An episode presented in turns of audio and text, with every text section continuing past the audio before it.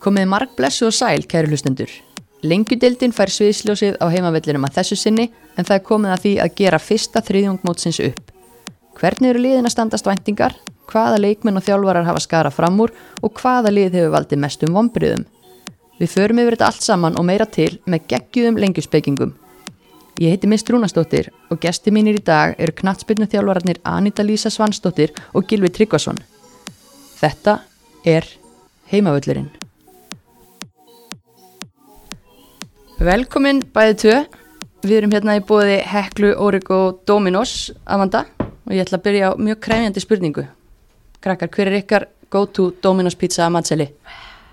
Þú byrja? Já, ég, ég panntaka þetta meat and cheese Meat and Fyrir cheese. mér er það bara eina pítsan af maselunum sko. Þetta er bara, ég get ekki hægt að sturtin í mig Jæja. Og hérna, gegn, hérna Gegn vilja allra annara í kringum mig. Þetta hún er bara geggið Ég verð að vera sammála. Er sammála? Meat and cheese er bara eina pítsan sem ég pantaði þeim. Í alvörinni? Alvöru, reyndar, tek hana þunnbótna, erst þú þar? Uh, Uh, já, svona, ég, ég, ég vinn svolítið með botnana.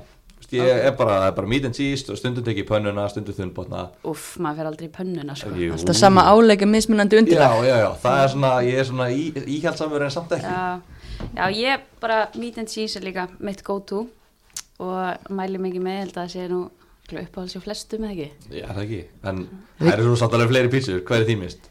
Ég er náttúrulega sko í grammitun alltaf, þannig að ég er svolítið að vinna með Vegas og hendi ykkur smá chili, jalapeno og þar á, þá ertu alveg komin í Gucci stöf sko. Ég Já. tók reyndar viku þar sem ég ætla, eftir að ég horfði á einhverja heimildamynd um svona, einhverja vegan heimildamynd, ætlaði að vera hérna, vegan bara, ég hugsaði, wow, ok, kjöt er ógislegt. tók viku bara þar sem ég ætlaði að gera þetta, fyrsta sem ég gerði var náttúrulega að panta mér vegan pítsu, það var svona, ég hugsaði að þetta er eiginlega besta máltíðin til að byrja á, fannst hún geggjuð, þannig að hvað er hún, vegendary eða ekki? Jú, hún er þetta ekki vegan en hún grammitis. Já, Já. ok, Hún er geggjað góð, já. Já, ég allavega, ég byrjaði þar, ég er svona, ok, vá, þetta er geðvitt, þetta verður ekkert mál Mm. Svo veginn var allt svona svolítið niður á við eftir það Þannig að ég beilaði á það og komin aftur bara í kjötið og, og meat and cheese er, er orðin mín uppáhalds Já, já, ég, ég hjálpaði þér aftur á vagnin setna vera aðeins með þetta þáttinn. En hérna, nú er náttúrulega verið að setja ykkur fjöldatakmarkanir aftur á okkur, en hvað ætlaði að gera um helgina? Úff, það var eiginlega ekkert planað, sko. Bara halda öllu opnu og, og reyna að hafa gaman. Loksins smá frí, svona frá þjálfun og, og, og boltanum. Mm þó það sé bara þrý dagar eða eitthvað, þá tekum maður þá. En núna er maður orðin hálf stressaður eftir nýjustu fréttir. Já, það verður ekkert eitthvað mikið stuði í gangi held ég. Nei, ég er búin að vera að grænda í allt sumar en að hérna, fá okkur mínútur í elliða í, í þriðudeldinni í, í sumar. Fekk mína fyrstu í fyrra dag sem er ánæg efni og það átti að vera leikur í okkur á morgun. Þannig að ég var svona gýrari að byggja og ná, síðustu mínútur og ætlaði hérna að halda fram minni vegferð sem fótboltamaður Það er En þeim leik verður frestað og ætli verði ekki allir gæðarnir komnir aftur í liðið sem er fjárhættu núna. Öss, illa að fara með góða mann. Þannig að ég fer bara í fóstustellingun og í tjald út í garðið örgulega já, það er engin þjóðtíð en eitt svo Nei. Nei, en það verður samt að vera sko tónlist og stuð eins og nefndir og þá ætlaði ég náttúrulega að mæla með því að þið myndu tjekka á vefversluninni hjá Origo að því að Origo.is er hægt að finna allan fjandan að sniðuðu dóti til þess að peppa svo upp jafnvel einn í fóstustellingunni inn í tjaldi. Algjörlega. Dundrandi hátalarar og, græður sem kannski já komaður úr fóstustellingunni og í eitthvað, samba. Það er kannski- það er kannski eitthvað sem við þurfum að vinna með þessa helgi svona með aðstæður Er það og- ekki? Jú, ég held það. Já, svona tveggja metra fjölskyldu útilegur út í garði. Já, Mhm. já, Og Bose hátalari. Nákvæmlega. Og pizza. Og pizza, ég held þetta sé bara eiginlega búið að bjarga helginni minni núna sko. lausning komin, Já. skrifa í skíin Skrifa það niður. En hérna já, Anita Lísa þú ert náttúrulega aðstofþjólari KR í Pepsi Max. Já, nýkomin á Norðan, það var erfitt erfitt hjá okkur þar. Já, það fór ekki alveg eins og vellu um okkur en ég meina Þór Ká var bara sterkar og þetta var 50-50 leikur þannig séð fyrirfram og get ekki sagt fyrir mér fannst mér ekkit endla betra liði vinna bara þær tóku þrjústegin í þessum leik og við bara hefnum vonandi fyrir það næst. Já, já, en svo varstu líka á Reykjöp síðustu helgi svona, hversu björt Já. er framtíðin á skalanum 1-10 Mjög. Þegar ég var þar með þriðaflokk í Gróta KR samstarfinu og vorum með tvö lið A og B. mm. Það gekk bara mjög vel hjá báða liðum og líka bara gaman að sjá hvað eru margar flottar fótballtastelpur. Bara útrúlega góð gæði. Þetta er reikup, bara svona mót sem að maður það er gaman að sjálfur en mann finnst svona einhvern veginn leikmenn vera betri fyrr núna Já, vera að vinna greinlega vel í mörgum liðum eða gott starf. Tjekkaður eitthvað á þessu, Gilvi? uh, Reynskilið? Já, já. Nei, Nei. Ég, ég, ég komst ekki alveg þangað en, hérna, en ég trúi því að hérna, Já. fram til þessi björt og þessar, yngri flokkar sem að ég fylgist með og sé, ég er náttúrulega að þjálfa í sjötta flokki það er eiginlega bara maður trúir ekki að það er síu í sjötta flokki sko. það er, hlýtur að vera eitthvað svindstundum sem er leikmenn sem maður sér að sko. þannig að þetta er uh, af sem áður var já, Akkurat, algjörlega, en þú ert náttúrulega, já, boltasjúkur, þjálfari og svo ertu fantabræða bróðir, heldur úti hérna hlaðvarpinu, fantabræð hérna. á fyrirliði þáttarins Já, þú ert það, já. Já. Hvernig gengur í, fantasíbrasinu? Já, mjög gott þú skilir spyrja núna þegar ennski er búinn Ok, Þannig að hérna, ég, ætla ég er hættur að tjá mig um það þar sem það er búinn En, en íslenskipolti gengur vel já, já, Ég er einmitt, hérna, ég held sé að fara upp í fyrsta seti á landinu í kvennafantasíunum það er svoleiðis Ég held Sko- það stillur í mændir fyrir þetta, því að fallið er svo hátt. Ég var sko alveg með þetta. Þú þarna uppi með á Já, því Ég var ég bara efst eftir ykkur umferð og svo steingleim ég mér og farin bara í svaðið á no time. maður dettur svolítið í það, ef maður gleymir einni tveimur umfyrir þá er þetta búið fyrir mann sko. Þetta er ríkalett. Já, ég er svo þrautsegur sko. Ég bara, ég, held, ég gleymi sér reyndar aldrei hérna, og ég er alltaf með hugan við þetta maður er að skoða skýslunar og svona alltaf að reyna að hlera þú veist, eitthvað svona Ánægði með að hérna, ég var að taka inn mitt, inn, mitt inn hérna, Telmi Lói já, fyrir tveimur umförum og hún er búin að leggja upp núna held í tvö mörg og bónus og, og alls konar síðan þá þannig að hérna, ég þakka þér fyrir það já, bara gjör svo vel Já, það er gaman að segja. Ég er vonlust að hérna, ná sér upp úr pittinum þegar ef maður glemir sér svona í tvær. Já, þú nær mér ekki en þú getur bara eftir mannarsætið Ég get gert það. Já, já, já. það Nei. gefur ekki neitt. Allir að halda áfram að spila þetta og, hérna, og, og hlusta mig og var að tala um þetta. Já, já, maður er kannski alls konar engadeildum líka og svona sem að keppnin er áfram. Algjörlega. Það er ekki allir jafngóður þú. Það býður engin Algjörlega. gilva í sína enga Ekki það að ég hef aldrei á æfinni unnið þetta sko Þannig að ég ætla ekki að fara að spila mig sem meistara hérna En maður bara fylgist með. Já, já, Ætla að vinna þetta í ár. Út með kassan bara, spila Já. sjálfstöðsti. Já, já, já. En hérna nóg með það því að þátturinn í dag hann er til einhverja lengjudeildinni og hún hefur farið bara nokkuð fjörlega af stað. Og við ætlum svona aðeins að rúlla yfir gangmála. Mm, öll liðin nema augnablík og völsungur eru búin að spila þar sjöleiki sérst augnablík og völsungur búin að spila sex. Þannig að við erum svona rétt rúmlega búið með þriðjung.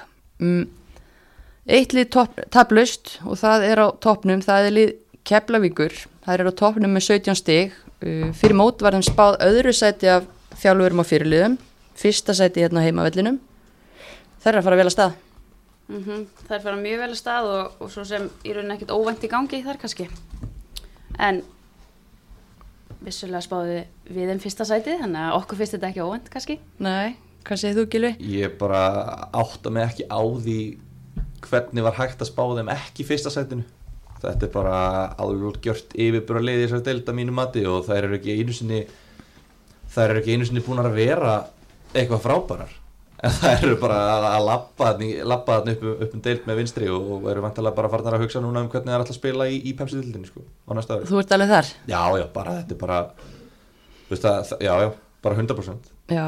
og ég segi ekki 100% oft sko. ég held ég að bara aldrei, aldrei sagt það sko, að þetta er alveg bara eins, eins gefið og að gerist að mínum mati með Keflavík Já, og þær eru svona náttúrulega með eh, nýjan þurft að hérna, FIFA liðið sitt aðeins og komið nýr leikstíla sem að Sveindi sem hefur verið þeirra aðal hérna, markaskorari er náttúrulega blómstar með blikum um þessar mundir búin að fá erlenda leikmenn Selín Rúmf í miðvörðin og svo tvífaran hannar Öglumarju, hann að Pálu Votnik framar á völlin, hvernig finnst ykkur þær vera þetta aðnin?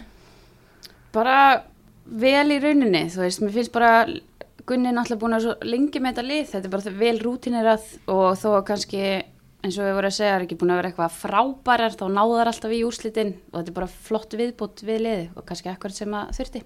Mm Það eru búin að vinna fimm en það eru búin að gera tvö jafntefli uh, gerðu það í útileikjum við tindastól og afturheldingu ég sá báða þessa leiki og tindastólsleikurinn var bara geggju skemmtun og bara sótt bæðilið náttúrulega sótt vilja, vilja sækja og, og klára sína leiki og fullt af færum og, og hasar en svona á móti afturheldingu þá settu afturheldingakonu bara svolítið í lás og mér var svona keflaðu ekki smá brasi við að einhvern veginn ná að brjótu upp eða komast upp á annað tempo. Þannig ég Já. veit ekki hvort að það er kannski eitthvað sem þær eru vanar að geta gert. Einmitt með svindis eins og við tölum einu sinni aftur um hann áður en að við hérna, köttum á það. Er, það hafa líka bara verið mjög holdt fyrir Keflavík að hún fari í breyðarblik eins ótrúlega góð hún er. Þá var hún ekki, kannski, það þannig að ég held að sé bara gott fyrir að þurfa ekki að byggja á einum leikmanni að heilan sóknarleik sem þær voru að gera í fyrra. Þannig að mér finnst það bara, þú veist, við höfum sé bara að aðrir að stígu upp og, og póla þarna og vera að koma vel inn í þessum útlendingur, útlendingurinn líka sóknarlega. Þannig að hérna, ég held að þetta sé bara í rauninu holdt og gott fyrir þær. Hvort sem að Sveindís komi sér inn í þetta næsta ári sem er náttúrulega kannski ólíklegt en, en hérna en já, þær eru bara svona náðu einhvern veginn að byrja upp og nýtt að byggja upp og, og er að gera það bara, bara freka vel finnst mér. Já, einhverju svona veikleikar sem það hefur séð á keflauguleginu hinga til? Eitthvað verðt að tala um? ekkit eitthvað þannig, mér finnst það bara ótrúlega góðar, mér finnst bara gaman að sjá Ástu spila í markinu og mér finnst gaman að sjá Dröfn er að skora, Natasja er að skora. Mm. þannig að kannski bara styrkleika sem ég nefni þegar minnist á veikleika. Já, já, en jú, kannski eins og þú segir, ég menna að það ná ekki að koma svo upp á hæra tempo þó að liðin setja þessi smá lás á mótið það er verða kannski að svona kunna stjórna leiknum og, og vera þúlimóðar og fara, næst, fara í næsta gýr þegar það á við Mhm. en er það ekki líka bara smá kannski reynsluleysi sem að kemur setna jú, jú, eins og segjum, þú veist, þetta er breytt lið náttúrulega, það voru náttúrulega líka þrýr elendi leikmenn sem voru hann í fyrra sem eru ekki áfram og annað, þannig að, að nýr markmaður Já. fullt af breytingum þó að, að kjarnin sé Já. svo sami og það er náttúrulega mikið búið að tala um Natasju, náttúrulega frábær leikmaður og opbúslega stert fyrir keflaugana að halda henni þannig bara alveg krúsjál. Það er bara, já, bara algjörlega krúsal Eru þið búin að tjekka á tveimur nýjustu viðtölum við hann og hún er farin að taka þau bara á íslensku. Er það málið? Já, hún geggjuð. Það veist ekki að geska Ég hef mikið hrós á það. Ég á alltaf ótrúlega erfitt með að skilja af hverju leikmenn sem kunna tungumálið gera það ekki bara þegar það fer enginn fram á einhverja fullkomna íslensku. Og við sjáum eins og bara okkar Íslendingar sem er að spila erlendis Alfred Finnboa bara besta dæmið. Hann er bara farin að taka viðtöl bara til þrjádaga í nýju landi. Þá var hann bara farin að tala grísku og, og eitthvað svona, við við erum mikið hrós þegar að, veist, að það er erfitt að, að byrja að tala Fara út fyrir þægindar að mann sko. Já, Þannig að, hérna, að mér finnst það flott. Já, geggjað. Og hérna Já, þannig að Gilvi segir bara þessi að fara upp með, með vinstri og, og ert þú já alveg ég er bara alveg sammála. Minnst það langt bestar og, og minnst svona kannski eina liði sem að ég get spáð upp núna Já, og það eru líka bara, eins og þú veist að tala um með veikleika þær eru með það mikið yfirbúrlið að mínum að að veikleikarnir er að fá ekki að sjást í þessari dild og með þetta stjórna leikjum uh, jú, auðvitað er gott að kunna stjórna leikjum. Og hérna við sjáum það, það er önnur liðir þessar til sem kunna ekki stjórna leiki sem þyrfti kannski að ná að taka það skref. En vegna þess að keflaug að mínum að er að fara að fljúa upp þá finnst mér svona sá veikleiki mun ekkert há þeim að þær munu hvað sem er vinna leikin áfram þær munu fara upp og þær, þær mun ekki stjórna mörgum leikjum held ég í, í Pepsi á næsta ári þannig ég, er- ég er mér finnst gott að því fylgir gerir þetta til, til dæmis hérna, hvað eru þrjú ár síðan þær fjallu Já, það síðan ekki. þær voru í Jú, Inkasso já. 2017 Já. þá veist, þær tóku bara ok, við erum með langbesta liðið ekki- það að hver einasti leikur í þessi deil þarf að spilast en að vera að byggja upp á síðan þeg, að þannig að það liði sér tilbúið þegar það kemur upp aftur. Það hefði verið rosalega, rosalega slæmt fyrir þær ef að Svindís hefði haldið áfram og tekið annað tímabil með keflaðeg í hérna, lengjudeldinni það hefði byggt nákvæmlega eins óknarleikin byggt á Svindís að því hún er langt best, hún hefði skorað 50 mörg í deildinni, komið upp aftur Já. og hvað hva þá? Einmitt. þá bara nákvæmlega sama sem býður þeirra. Það Mhm. er bara aftur falla næsta ári. Þannig að mér veist, ná, mér veist þetta svona fínt að vera að, að reyna það virðast vera að reyna að byggja fyrir að geta verið í deildra bestu því keflaðeg algjörlega fullt af, fullt af talentarna og, og, og ég er alveg samanlega þetta er flott starf sem er búið að byggja og náttúrulega opaslega reynsla fyrir þær að fara í deildina í, í fyrra, stóðu sér vel þar en verður auðvitað bara ennþá betri næsta ári ef, að- ef ef allt gengur upp. allt gengur upp. En hérna á meðan við erum í Keflavík um, þá er við hæfi að opinbera nýjustu heklun okkar. Hún er nefnilega leikmaður Keflavíkur að þessu sinni. Og þátturinn er í bóði bílaumbóðsins heklu. Hverjum þætti veljum við leikmann sem er ekki bara öflug innanvallar heldur er að gera góða hluti utanvallar líka. Og það er miðvörðurinn Kristrún Ír Holm svo sannlega að gera. Hún var að klára meistaragráðu í líf og læknavísindum. Og sem sagt í náminu þá var hann að vinna krabbameinsrannsóknum og er svo leiðin í doktorsnám þar sem hún mun leita að lífmörkum fyrir snemgreiningu á brjóstakrabbamenni bara mögnuð hún Kristrún innanvallar sem utan aldrei sem menta sér í mikilvægum fræðum Já, ég, Svimaði þig? ég, ég, ég hætti að skilja svona, Já, svona 70% af orðanum að það sko. Lífmörkun í brjósta krabba skimun eitthvað, ég, þetta er bara þú sónaðir út þarna. Já, já, hún er greinilega alltaf klár til þess að ég geti verið eitthvað að taka þátt í ykkur svona umræðu Já, þetta er svolítið verðskulda, verðskulda hekla. Já, algjörlega, hún er búin að fá fullt af tilnefningum og enda er hún að, já, bara ótrúlega skipulegut og, og næra tvinna þetta krefindi nám vel með, með fótboltanum og tala nú ekki um hversu, hérna, hvað maður að segja, hversu mikilvægt það er sem hún er að læra bara fyrir samfélagið okkar. Já, nákvæmlega. Þannig að bara takk fyrir það, Kristúrun, og gangið vel áfram. Takk fyrir þína þjónustuð Yes. um, en þá höldum við áfram, annað sæti, liðið sem að situr þar um þessa myndir er eh, Tindastóll, þær eru með 16 stig, stíu eftir Keflavík og þeim var spáð þriðja sæti á báðum vikstöðum fyrir mót, en þær ætla sér upp, hafa talað opinskátt um það í viðtölum og, og svona kannski þanga til í, í síðasta leik virkilega spilað eins og þær ætla sér upp. Mm Mm, hvað svona, hvernig eru ykkur fundist Tindastólsliðið? Mér finnst þetta mjög góðar. Var eiginlega smá hissa að skildu tapa fyrir haugum í síðustumferð. Mm. Uh, við mættum þeim náttúrulega í byggarnum á Káarvelli og þær voru bara virkilega sterkar. Margir líka íslenski leikmenn sem eru sterkir og nú gaman að sjá að það er ekki bara einhverju tveir útlendingar sem eru að byrja uppi þó það er séu vissulega að því en þá eru aðrar líka að spila góðan bolta og liðið er bara mjög vel þjálfað. Ég hef alveg mikla trú á því að þær geti lauma sér þannig upp um deild líka. Já, hvað segir þú Gjölu? Já, þetta er náttúrulega sko fyrir mér, ég held að sé bara tölum náttúrulega um haugana eftir, ég held að haugar og tindastól séu þessi lið sem er að fara að berjast um hitt sætið að fara upp og ég held að flesti séu svona þeirri skoðun.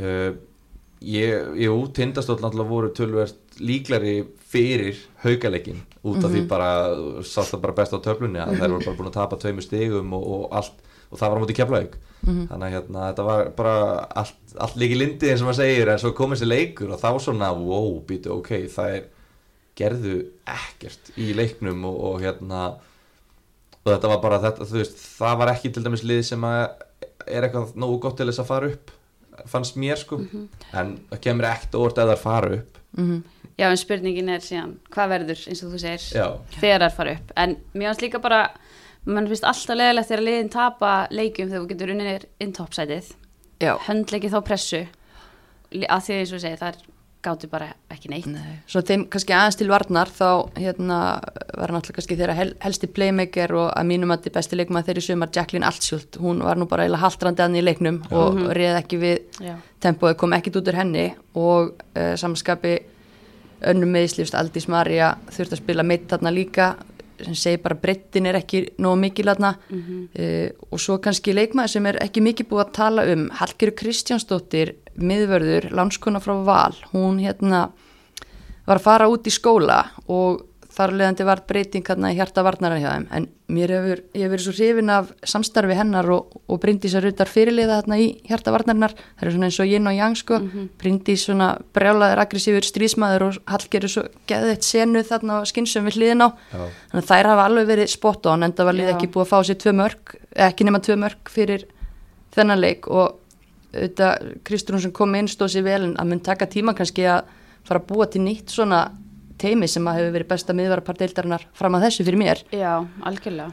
en hérna veist, ég er ekki bara algjör líkill að liðið haldist heitt, heilt? Því það ráða greinlega ekki við það ef að þær er að missa tvo, þrjá svona öfluga menn út úr liði. Jú, ég held kannski reynda flest liðið sér deild ráði ekki við það, en hérna, en breytin kannski erfiðar fyrir tindastóla þegar þeir eru líka lengri burtu, það er erfiðar að sækja leikmenn úr öðrum liðum og svona, þannig að það er kannski mega lítið við þessu. mm En svona ef við dæmum þar ekki bara þessum haukaleik sem er þeirra off, off leikur greinlega í sumar og, og þær vilja eflaust svara fyrir hann sem fyrst hérna, var ekki haukar eina liði sem að Muriel skoraði ekki á móti í fyrra á móti öllu liðum í deildinni nema ú. haukum í fyrra það getur verið og svo ekki núna og hún sást ekki í þessum leik og maður hefði haldið skiluru hvernig ætlar að stoppa tindastól? Þú bara hendur bara tveimur mönnum á hana og láttu svo bara tíu að spila móti 11 og þú átt alveg að ráða við það því hún er það mikil yfirbúra maður. Það er svo einfalt þegar þú segir þetta svona. Haug, já, auðvitað er það skilju en, hérna, en það virkar hjá haugum og mér finnst það svo skrítið ef það er búið að virka, ég meina hvað, þetta eru þrý leikir sem það er búin að spila. Núlmörk í þremuleikin fyrir hana er bara eins og núlmörk í hundraleikin fyrir hvernig hann leikmann miða við þann standard sem hún er búin að setja á sjálfa sig í þessari deild þannig að ég er svona að ég veit ekki, ég, jú, þú veist Já, já, hann mæðir mjög mikið á henni og hún er hvað, búin að skora fimm mörg í, í deildinni Mhm. og hann er alltaf með 2-3 leikmenn bara á bakinu Já, sko já. en að sama skapi þá hefur mér fundist sko stólarnir leysa vel til dæmis eru Aldís Marja og, og Hugrún Pálsdóttir komnar hann á kantana já, og það, þú veist, þetta er ekki lengur einmitt sparkað upp á Muriel og, og hún trukkast í gegn heldur hérna, eru að fara mikið upp kantana kantmennir eru að skora, þeir eru að leggja upp bara búa til. Og Marja Dögg eins fremst á miðunni hjá þeim. Ég veist svona, hún verður að njóta sín betur í sóknarleiknum, þannig að þegar að, Já, mér er sko gaman að sjá að því við vissum í fyrra kannski, eða við vissum að það liðin myndi bara núna, ég með setja 23 á reall og alltaf ætla að stoppa hana. Það sem að þeir hafa gert vel þjálfarnir er að veist, þeir hafa þurft að finna aðra leiðir.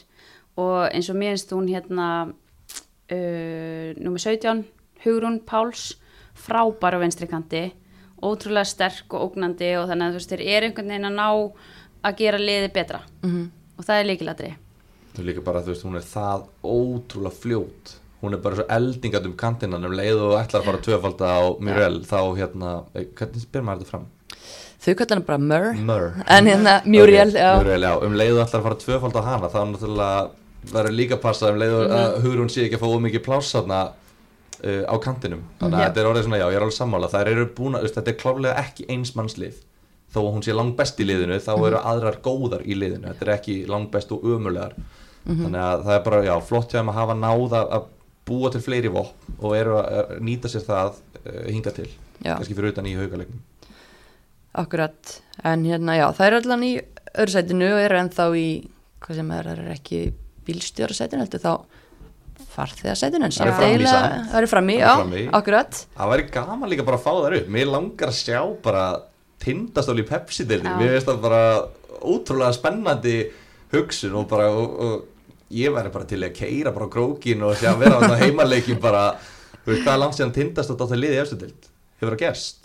Ég held að það er bara aldrei gerst eða hvað? Bara pass, já, örglega ekki. Öruglega ekki. Ímyndi ykkur stemminguna Það á var- sögurkróki bara hún er góð fyrir sko þannig Já. að, maður sé nú bara hvernig er í körfinu og svona hjá þeim. Þetta er alveg bara alveru stemmari. Þetta væri, það væri gaman að þessu. Já. Já. Það, já, en, en það Muriel er þarna ennþá að því að hún ætlar að fara upp og spila í Pepsi Max Nákvæmlega. með tindastól. Annars hefði hún bara farið annað. Þannig að hún hefur trú á þessu og við höfum trú á þessu líka. Já, En uh, þriðasæti, það er kannski lið sem að ekki allir hefðu endilega trúa fyrir tímabilið, en það er spútniklið gróttu, þær eru eftir þriðjung móts í þriðja sæti með 14 stig. Við getum verið sammála um að þetta er ekki? algjörlega Klálega En sko, já, það eru búin að tapa fyrir tindastól, en hérna þegar það er vinna hauka, þá fannst mér að setja svona ákveðið statementi, þær voru búin að vera að vinna kannski einsmarksýra á liðanum svona sem að var spáðan í nærlutanum, en hvað er það að gera svona vel? Af hverju eru það þarna?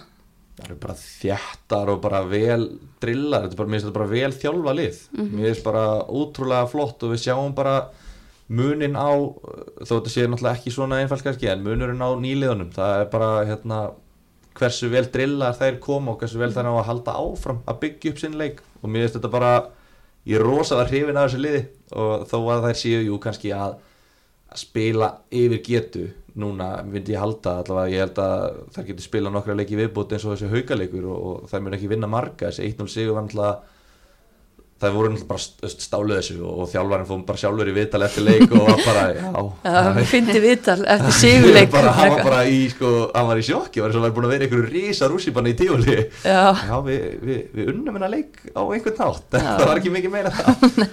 En bara frábært að maður ná þessu samt. Það er samt alveg svona karakter og alveg stórt styrkleikamerki fyrir nýlega deildinni. Mæta liði sem er spáð já, einhverstaðar fyrsta, einhverstaðar öðru sæti deildinni og ná að kreista út 1-0 sigur Þó Sama séu- hvernig hann gerist, já. Þó þær séu ekki sterkara lið að ná samt úrslitunum. Mér finnst það bara þvílík þroskamerki hjá þessu liði og bara, bara sterkur sigur og bara hvernig þær eru búin að vera að ná í úrslit núna Af Því það er það sem þetta snýst um. Bara frábært. Já, Já, mér finnst það mitt risa statement sko. Maður s- alltaf spá haugum sigri fyrir það en gróttulið er bara eins og þú segir, bara vel þjálfað ótrúlega skipulaðar, þjættar ungar, sprækar stelpur með nokkra reynsluboltaðan inn á milli Já, það virðist bara að vera góð blanda sem er að ganga upp. Algjörlega og þú veist, talandi um unga leikmenn, maður var svona að pæla í því, þú veist, að því að sömur eru mjög ungar og bara hvað er til dæmis markmaður 2004 ræður hún við að fara að starta þessari deild, ef mér veist hérna Brá Magnúsdóttir búin að vera frábær í markinu. Það er ekki að fá sér mikið af mörgum, hún er að eiga game changing vörslur í hverjum einasta leik. Bara Algjörlega. ótrúlegt öryggi þrátt fyrir þennan unga aldur, þú veist, hún er bara já. hún er bara búin að stíga mikið upp og er að, eins og þú segir, maður frétti af henni að hann fyrir norðan á móti Húsæk nei, á móti Völsungi segja á Húsæk og hún varði vís bara í þrýgang bara í stöðunni 0-0 hjæltin bara algjörleginni Mhm. það eru svona mikilvæg móment sem maður vill sjá frá markmönnum og að ungu leikmaður geti átt þessar vörslur er frábært. Bara spenntur að sjá líka hvort hún verði þarna áfram á næsta ári. Við sjáum að þegar, þegar fylki tekur sessu úr hérna afturheldingu sem er búin að vera í miðlungsliði í lengjudeildinni og er frábær. Já, hún er kannski ekki hún er kannski ekki alveg eins en hún er samt frábær náttúrulega líka og við getum alveg séð önnur lið í pepsitildinni vera, vera að horfa hýra auga á eftir henni fyrir kannski, ég meina, kannski glukka núna en ætlum við líka að klára tímafölu með gróttu fyrst þetta gengur vel og, já, emitt en hérna, já, ég held að hún spili í Pepsi á næsta ári, held að það sé alveg klárt. Já, það er bara allan, hún er alltaf að standa sér vel, káir, spurning. en hérna, uh, það er ekkert að skora sérstaklega mikið, sem þýðir það að þær eru að landa þessum stífum sínum svolítið á hörku varnarleik, það er búin að skora átta, búin að fá sér fimm, hvað svona, þú veist, þú kannski sagði það aðeins áðan, en, en finnst þér þetta að vera kannski svolítið svona nýlega krafturinn sem er að, að skila þeim þessum, þessari stiga söfnun? Veist, ég held að hjálpi alveg til og þegar að þú nærða að byrja vel þá er svo ótrúlega auðvelt að fara inn í næst- næsta leik. Þú komið bara strax á blað og bara þær byrja bara á bara 1-0 sigri á móti fjölni. Veist, það er ekkert til þess að monta sig af en er vinna allavega sigurinn og komast með þrjústi og þá er svo auðvitað, ok, geggja, gaman að fara í næsta leik. Og svo næsta leik og næsta leik og byggja onna það. Og þær eru bara ennþá í þessum fasa. Ég veit ekki, þær eru kannski ekki að fara að enda tveimur stigum á öðru setinu en hérna en þær eru ekkert að fara að byrja allt í hennu núna að tapa öllu. Þetta er bara lið sem að bara enda kannski um miða deild verður þarna, ég veit ekki, það geta alveg enda í, í fjóra seti, mm mínu okkar sko. Sem er bara ásættanlegt. Já, bara nýlegar, ég Já. myndi, bara gott, segja að ég segja. bara mjög gott. En já, allan að spennandi hlutir út á nesi, Ég er klárt. hrifin af svona, ég ber svo mikla viðingu fyrir því að, að þessi 8-5 í markatölu eftir sjö leiki. Þú veist, þetta á undir mikið högg að sækja í umræðin í dag. Ég er ótrúlega hrifin af svona leikim lið sem bara vinna 1-0 eins og bara, veist, ekki það að þær sé að spila eitthvað börnleik bolta eða Atletico Madrid bolta en bara, sem eru bara með agaðan varnarleik og bara hraða fram á þeir Rakel og þarna á kantinum bara eins og elding og bara kraftur í henni þetta er eitthvað sem að mér langar svo mikið að ég vil ekki þetta þurkist út, ég vil ekki að öllið fara að spila eitthvað tekið taka. Mhm. að hérna mér finnst allt í lagi að byggja bara á þvílít öguðum vartanleiku, sérstaklega sem nýliðar. Þó þetta sé kannski ekkert eitthvað ekkert mikil mörg og húlum hæ en þær eru bara að gera nákvæmlega það sem þær þurfa að gera. Þær þurfa ekkert meira en eitt mark í leik til að vinna. Nei, Nei, algjörlega. Og það er líka bara gaman að þetta er náttúrulega frekar ungt lið. Náttúrulega eins og við erum að tala um að, að ungt lið sé að gera þetta svona treytmarkinu sínu að halda reyna og vinna 1-0 nákvæmlega, þetta er bara, mér finnst þetta geðvikt Já. En hérna næsta lið, haukar eru með 11 stíg þarna rétt á eftir í töflunni og það er náttúrulega unnu þennan lífsnöðsynlega sigur á toppliði eða þáverandi toppliði tindastóls á þriðdægin. Það er náttúrulega bara kist topparötuna bless eða hefur tapað þar en það eru bara tveimur sigurum frá efstu sætunum núna. Var spáð efstu sæti af já, þjálfurum og fyrirliðum og öðru sætu heimavöllinum. Hvað, svona, hvað finnst ykkur um haukaliðið? uh, bara vombrið í rauninni með að við kannski, ég myndi segja kröfunar sem þær hafa bara sett á sig sjálfar og kröfunar í hafnafyrði um að liðið fara upp, þetta er þriðja tímabilið sem Jakob og Jóna eru með liðið og það hefur alveg verið útgefið allir upp um deild, þá vil maður bara sjá meira Mm -hmm. Þrýr sigrar, tvö jafntefli, tvö töp.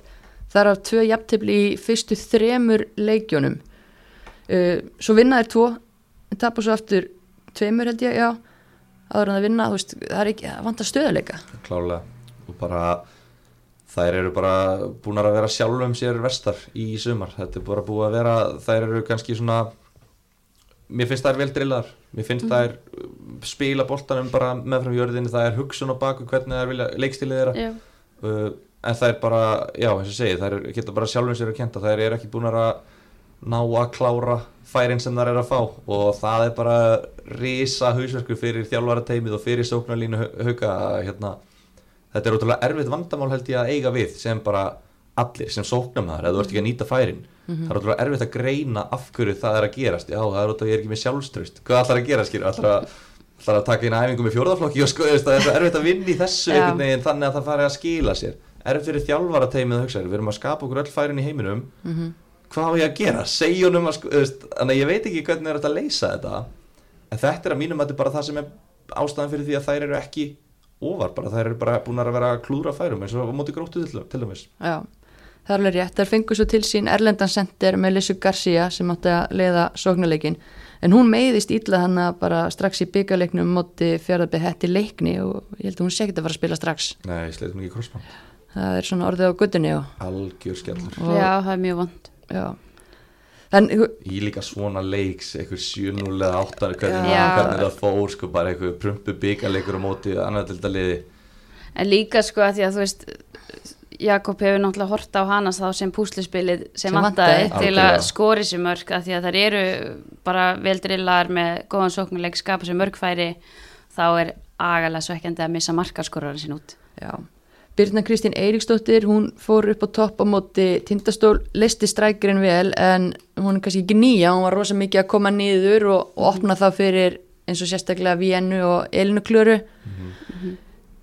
Það virkaði mjög vel, mjög vel á móti tindastól. Já, Vienna fekk þá bara sitt svæði og já, hún var þrjus góð, skoraði þarna tvö mörg og það er náttúrulega leikmaður sem á að geta skorað 10 pluss, eftir á að skora 10 pluss í sumar. allt annað er bara ósættanlegt fyrir leikmann eins og hana. Og ég held að það sé fínt fyrir þær að, að prófa byrni, ég held að hún hafi ekki verið mikið að spila þetta frammi, ég held að það sé fínt fyrir að prófa hann að segja svona nokkur neginn svona falska nýju veginn fyrir einmitt plássi sem að Vienna er þá að fá að því að hún er, og þetta er langt besti fótboltamaðurinn í þessu liði að mínum að þið sérstaklega svona framáðu tæknilega og allt þetta, maður sá það bara í þessu leikarna að hún bara, það sem hún er að hugsa inn á vellinum og það sendinga sem hún er að gera. Betri leikmenn væru mættir í þessi laup hún er, al, hún er með fótbolta greinda þessi tölu langt umfram samirina sína fyrst mér. Þannig að ef að þau ná bara að kreist út úr henni mér veist kannski annað og því nú er ég að tala um að það er eftir kannski fara í að bara fókusera á besta leikmann sin, sem að ég kannski er ekki sérstaklega hrifin að því að eins og keflaug sé að gera en þær eru bara þannig staði deildinni finnst mér.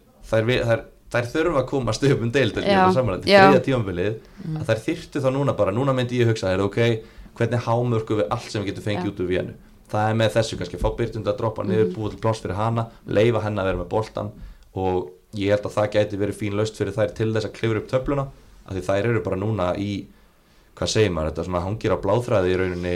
Já, þau eru að, að sleppa eins hugsuninni við ætlum að spila fallega fótbolta núna. Þau þurfa bara að sækja úrslit. Algjörlega, og eins og þú segir þá, hvernig sem þau gera það vinni kringum besta leikmannin þú veist, það verður bara eitthvað að gerast Já, ef maður er búin að tapa tíu stigum nú þegar, það megi ekki tapa fleiri stigum eða það er alltaf upp, ég meina ekki nema að verða eitthvað kaos þarna á söðakrúki sem að ég efast stórlega um. líka þessi, ólíklegt. þessi leikstíl líka sem er búið að vera að drilla í, í, í 2-3 ár, hann er ekkert að fara þó þú setur ekkert í Nei. minni áherslu á það. Það er ekkert allt í henni að fara að bomba fram það er bara búið að þjálfa þær í þessu og það, er, það gerir þetta nokkuð vel, nú er bara aðal áherslan, ég væri, ef ég væri að stjórna æfingum þetta, þá væri ég ekki að gera neitt annað heldur en einhverja slútaæfingar og ég myndir hringja í, í bara alla bestu markminn á landinu og segja bara, heyrðu, kottu hérna í markið og þú ætlar að hérna lekin mörgum og gefa þeim sjálfströst og, hérna, og við ætlum bara að skora mörg og, og fara upp um deild sko. algjörlega, en hvað svona möguleikan er að þetta henda prósend á þetta hversu, hversu hérna, mikla líkur er á að haukar ná að koma sér upp eftir þetta brasi byrjun versus þá mögulega tindastól Já, segja 60-40, haukar 40 ok. Jú, ég var að hugsa svona 30, 30-40 eitthvað svo leis Það eru orðnar underdogs núna. Það er bara staðan og það er þurfa að vinna sig einhvern veginn út úr því. En það hrukku ekki gangi fyrra fyrir að það urðu underdogs og þá áttu það náttúrulega rosalega mm lokasprett. En var það ekki eftir að allt var fjarað Jú, út einmitt, jú, sko, þú jú, veist, þá voru það eiginlega bara ekki dogs lengur, það voru það bara Nei, það sko. bara engu að tapa sko. Algjörlega, þær hafa núna ennþá einhver að Já. tapa þannig að þú veist, en það er eins og þú segir, mm. uh, við rættum það eins bara fyrir tímabil að þeirra helsti veikleiki er að þú ekki pressuna og þá er, spyr maður sér líka getur þetta lið verið í Pepsi höndlaðir þá pressu Mér finnst líka sko, mér finnst samt eins og mótið tindastól, það var Það var pressa. Þetta var rísastór Já. leikur og það var alvöru Ég segi pressa það. Jafntefli og tap og það bara, þetta er bara game over Já, sem betur fyrir unnaðir þannleik Algjörlega, en það er líka bara, finnst mér kannski þroskamerki eða allavega styrkleikamerki að ná að taka þetta topplið og vinna þær bara 2-0 á sínum heimavelli þær nýttu færi, þær fengi ekkert mikið fleiri færi í þessum leik. Þetta er bara aukaspilna og, og í rauninni algjör klúður hjá hafsendaparinu sem þú varst að tala um. Það var eiginlega ekkert meira í þessu heldur en það en það voru bara krúsjál, það voru hérna, svona líþall seg ég og hérna náða að vinna þannig að mögulega gætu þær uh, unnu sig eitthvað upp en eins og það voru í Pepsi-dildinni síðast þá fannst mér að líka, mér fannst það vera að spila vel í Pepsi-dildinni, mér fannst það sjaldan vera lagari aðalinn á móti þessum neðri liðum. En það var sama, þær voru að klúðra endalust á færum, það voru ekki með hausin í þetta. Uh, ég er ekki alveg með tölun á hversu breyttur hópurinn er. Uh, ég held að sé Verulega breyttur. verulega breyttur sko. Já, hann er orðin það en, en svona þetta hefur aðeins þetta hefur breyst mikið í rauninni með hverju ári. En það er horfum á síðustu tvö tímabil og svo þetta þá finnst mér á pappirnum loksins vera komin svona solid blandaðna þú ert með Íslands, þú ert með Erlend, þú ert með góða aldurstreifingu, þú ert með leikmenn sem að hafa reynslu að því að ná árangri og svo ertu með unga og mjög hungraða leikmenn sem ætla sér bara allavega í allansliðið og, og fleira. Þannig að þú veist, ég myndi vilja fá aðeins meira út í þessari blöndu því að heilt yfir hugsa ég að veist, ef ég ætti að velja bestu blönduna þá væri það líklega þannig hafna fyrir algjörlega. Já, sammála. Og líka bara reynslu miklu þjálfarar sem eru búin að lengi með liði mm fyrir utan það. Algjörlega og mjög áhugaverð hvernig ef það er eitthvað lið þar sem að næstu leikir skipta máli þá er það haukar að, að geta svara þessum leik með að vinna skilur viking í næsta leik Þa, það er svo mikilvægt, þær eru búin að vera að missa stig það sem þær eigi geta að vera að missa stig. Þannig að næstu leikir hjá haukum munu algjörlega sína okkur hvort að þær séu já, með hausinn í þetta og, og hvort það séu að fara að, að hvort þeim séu alvara með þessa topparáttu Já, við getum við sammáluð það. Augu, augu Smá okkar verða, verða á ásvöllum. Já, uh, Fymtasæti, afturhelding þær eru þar með nýju stig. Þær eru svona í já, hinn og þessu tveir sigrar, þrjú í aftefli, tvö töp. Þetta er alveg nýtt lið. Já, þetta er bara það er breytingar á einmitt en sko, Júli og Kó náttúrulega eldri en tvævetur í þessum bransa hann er bara búin að setja saman flott lið einmitt. 11 ný, Já, já. nýjir starterar Bara- líku við sko. hrósa á hann fyrir að púsla svo einhvern veginn saman. Það er ekki, til dæmis ekki margi sem hefur farið í Nei. sem að átti eitthvað slakasta tímabil íslensk liðs í fótbolta í fyrra. Er ég ætla að sækja markmannin og miðvörinn þaðan Einmitt. og fá hann hérna í lengjudeildina það er ekkert sem segir manni að þessi dæmis Já. Eva og hérna Andrea geti haldið áfram að spila í lengjudeildinni þegar þær eru aðal varnarlínan í liði sem fekk á sig, ég veit ekki hvað mörg mörg eitthvað 70 mörg í fyrra og skýt fjall en hann gerir það og þær eru að plumma sig ágætlega og bara þetta er, þetta er ótrúlega ódreiknanlegt og skrítið lið sem það eru með, það gera jafntefli við Keflavík og maður bara þetta er algjört vælkart í þess að deild fyrir, fyrir mér Sammála, ég er maður eiginlega brenn þá að átta sig á þessu. Já, bara ég bjóst ekki við þessu en svo sama tíma kemur þetta mér ekki óvart kannski heldur. Eins og segi Júli bara næri þessu einhvern veginn. Hann náttúrulega með gríðalega þekkingu bara á leikmannamarkanum búin að þjálfa í nákvæmlega. deildinni já, og hann, eins og segi, veit alveg hvað hann var að sækja og fyrstu nefnir mitt Andri og minnst þetta, það eru báðar vannmettni leik, leikmenn og eins og Eva er hún náttúrulega með ótrúlega faðum, hún er að taka flesta fyrirgjafir, Mhm. getur sparkað bara rosalega og staðsettir sér mjög vel, þannig að hún í þessu liði er að gefa þeim opbóslega mikið, Mhm. finnst mér sammála hún náttúrulega var bara í yfirvinnu hann í breiðaltunni í fyrra en Það er kannski En- ósengjant að miða markmann út frá því liði. Já, já, klálega, ég er bara svona En- hver hefði endilega farið og Já, já, við þurfum styrkingu. Hvað er að frétta þarna af íeringunum er ekki, það er voru að falla, er ekki einhverju leik með þar sem við getum hýrt upp, ég, ef ég var einhver yfir með knaspundumála, bara, ég myndi bara reka þjálfarum fyrir að leggja þetta til. Bara eftir eitthvað klikkaður? Það fengar sér þúsund mörg í tól leikjum. Júli veit. Veit, Júli Nós, það er þannig En svo hérna sótt hann líka tvo erlendalegmenn, ég hef ekkert verið neitt sérstaklega hrifin af sendurnu þeirra, bara svona fín leikmaður en Taylor Bennett, hafsend sem er að spila þarna við hliðina á Andru, hún er búin að heilla mig. Er þið búin að sjá hann eitthvað? Ég, ekki nóg, en mér finnst það bara, ég held að það sé líka hjálpa Andru að hafa bara góðan leikmann við hliðina á sér, því Andri er með reynslu, en þarf svona smá stuðning.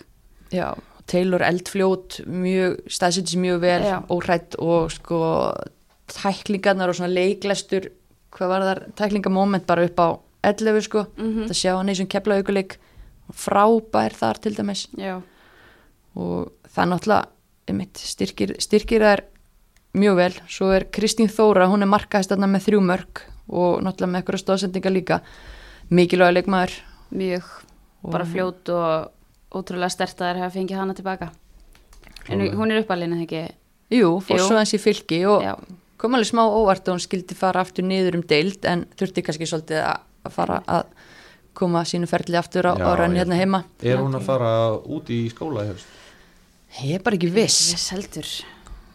Það var alltaf planið, er það ekki? Ætla, ég held það en það væri svo, alltaf mikill missi fyrir þær að- að að missa hana út í, í skóla. Já, svo kemur það náttúrulega inn í, í þessa deild. Það eru tölvöld þeirri leikminni lengi deildinni heldur en í Pepsi Max sem er að fara út held ég núna eða hafa verið Já. genum tíðina. En aftur um móti þá er maður að heyra alls konar hérna, já, að COVID sé að koma í veg fyrir að margar sem ætluðu sér að fara sé að fara og Mm einhver luti séu ennþá bara í óvissu Vonandi fyrir enginn. Já, Já, en afturhelding hefur náttúrulega verið að missa mjög mikið af leikmennum í skóla í gegnum árin Já, einmitt. þannig að, að hérna, það er alveg valið punktur En það er svona spurning, ég pælt alveg við það því að við vorum nú kannski ekki með afturöldingu ofalega á blaði í spánni hérna fyrir sísoni. mm -hmm.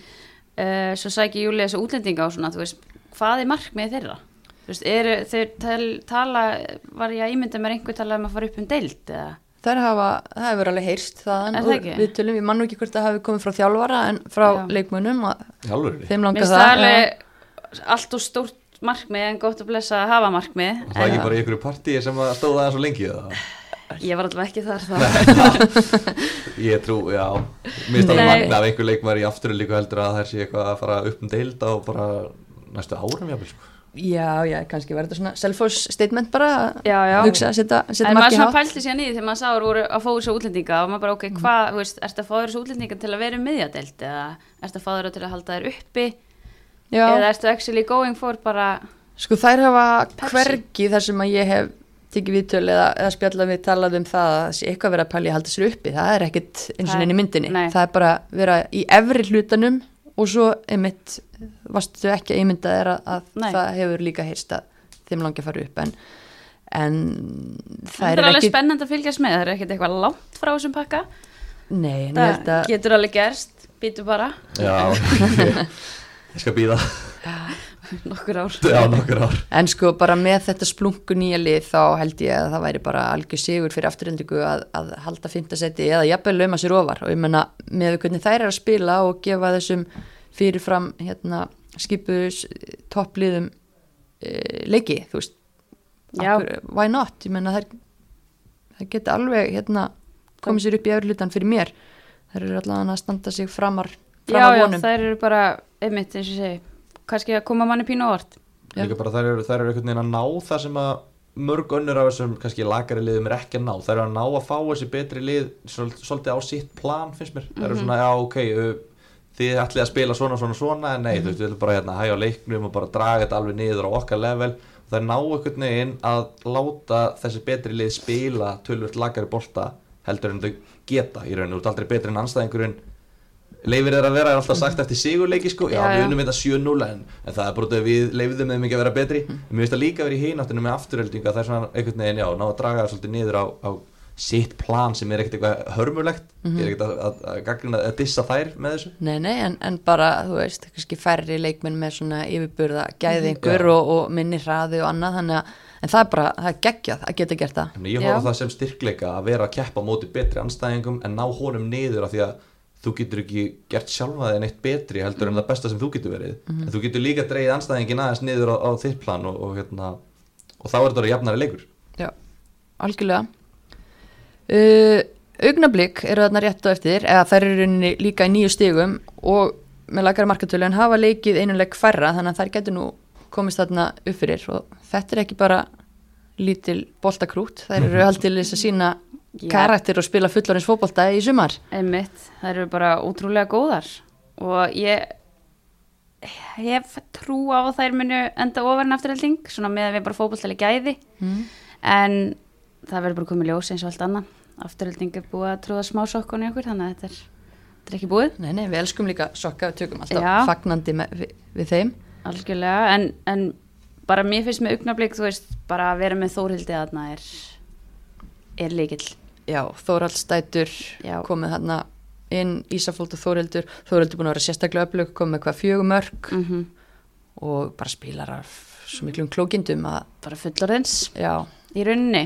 Hvernig, er hann 2003 eða? Er það ekki?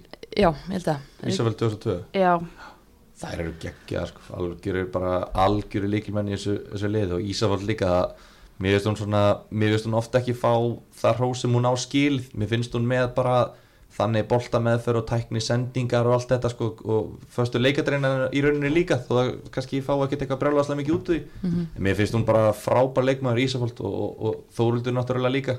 Þannig að mér finnst það er gefa þessu liði alveg helling og ég er rosalega hrifin af þessu augnabliksliði mér finnst að það er það er eiga bara ekki rosalega langt í land með að geta farið að vera bara það getur alveg enda í topp tveimur bara með, það þurfa ekki mikið til finnst mér sko, já, það sammála. gera það ekki ár en við sjáum bara hvar hafa það verið að tapa stegum, það er á móti þessum liðum, það er að tapa með, á móti tindastól hvað, bara með einu að með töfur einu marki og þær voru miklu manneklu leik, þetta var þegar blikalið var í sótkví og hérna Já, voru skikkar í að spila í rauninni. þó að það væri með eitthvað fjóra leikmenn í sótkví, þetta var eitthvað Já, algjör þessi bíó keflaugurleikurinn líka sem fór 5-0 þá Já. voru það með eitthvað sex, sex leikmenn held ég. Já. þá var KSI við búið að vera umræðum um kalla megin hvað þar, já, þarna út á KFG Já, Það já. hvað þarf eiginlega marga, við erum þetta með tvo líkil menn í banni en við þurfum samt að spila hann að leik og það var eitthvað svaka frétt og eitthvað Já. svona Mhm. og þar öll umræðan fór þangað og það var svara veist, já, KSI sagði veist að það þurfti fimm leikminn í sótkví í hópnum til þess að Mhm. þú megi fresta leiknum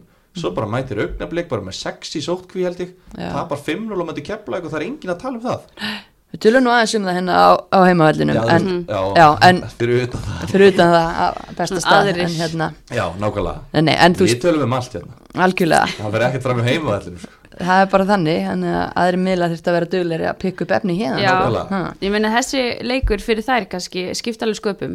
Að, þú veist líka bara skellur ekki með marga leikmenn og þrjústi ef sér ekki endilega unni kepplæk en með að við samt hvað er að spila vel þá er þetta alveg geta verið meiri leikur Mhm. en kannski þú veist eins og við höfum rætt kannski lánir, ólánir líka að hafa verið að spila móti Keflavík og Tindastól þegar þessar Já. hör- hörmungar gengu Reyndar, yfir er Já. að hérna að því að þú ert ekki að fara að sækja stig þar en, en hérna þær eru að sína karakter það tapa þarna, þú veist, í dramatísku leiku upp á Skaga og hefna svo með bara rosalegri Já, í einmitt. Það var nú ekki mikið við þær að sagast að tapa þessum byggar nei, nei, reyndar. Nei. það grín hérna, dómaragrín en, en hérna, já, bara því líkur styrklegi að koma sér inn í deildina strax á eftir. Mhm.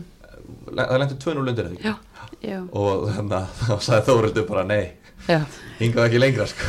ekki aftur. Ekki aftur Já, og bara var hún með, með í byggarleiknum já, það ekki ég, Já, ok. Man þetta ekki. En allavega skilju og bara þessi mörkarna sem hún skorar þetta er bara tvö nákvæmlega eins mörk og bara ég veit ekki hvort mér finnist þetta velgjört hjá henni frekar en þetta var lélitt hjá Ía að klúðra þessu en þetta var algjört jú þetta var algjört klúður hjá Ía þetta helst í hendur Já, algjörlega og bara en styrkleika merki og, og á sama tíma samt líka veikleika merki að vera þrjú eitt yfir á móti afturheldingu og missa það niður þannig að þú veist Mhm. það eru bara á sinni vegferð og vilja bara með það í bara góðum gýreldi það eru bara þroskast og vaksa og dafna sem leikmenn Já, og pressuleysi vantilega hjálpa þeim, þú veist, það er ekki Já. pressa frá Já. breyðablika að þær, þú veist, þær vilja ekkert fara upp, það get ekki farið upp. Nei. Nei, það er einhvern veginn eins og þeir fái bara svona frelsi til að bæta sig sem fótboltamaður, stefna bara allar á breyðablík, eða mögulega flestar allavega og, og svona, þetta er örugglega ekki leðilegt lið að þjálfa.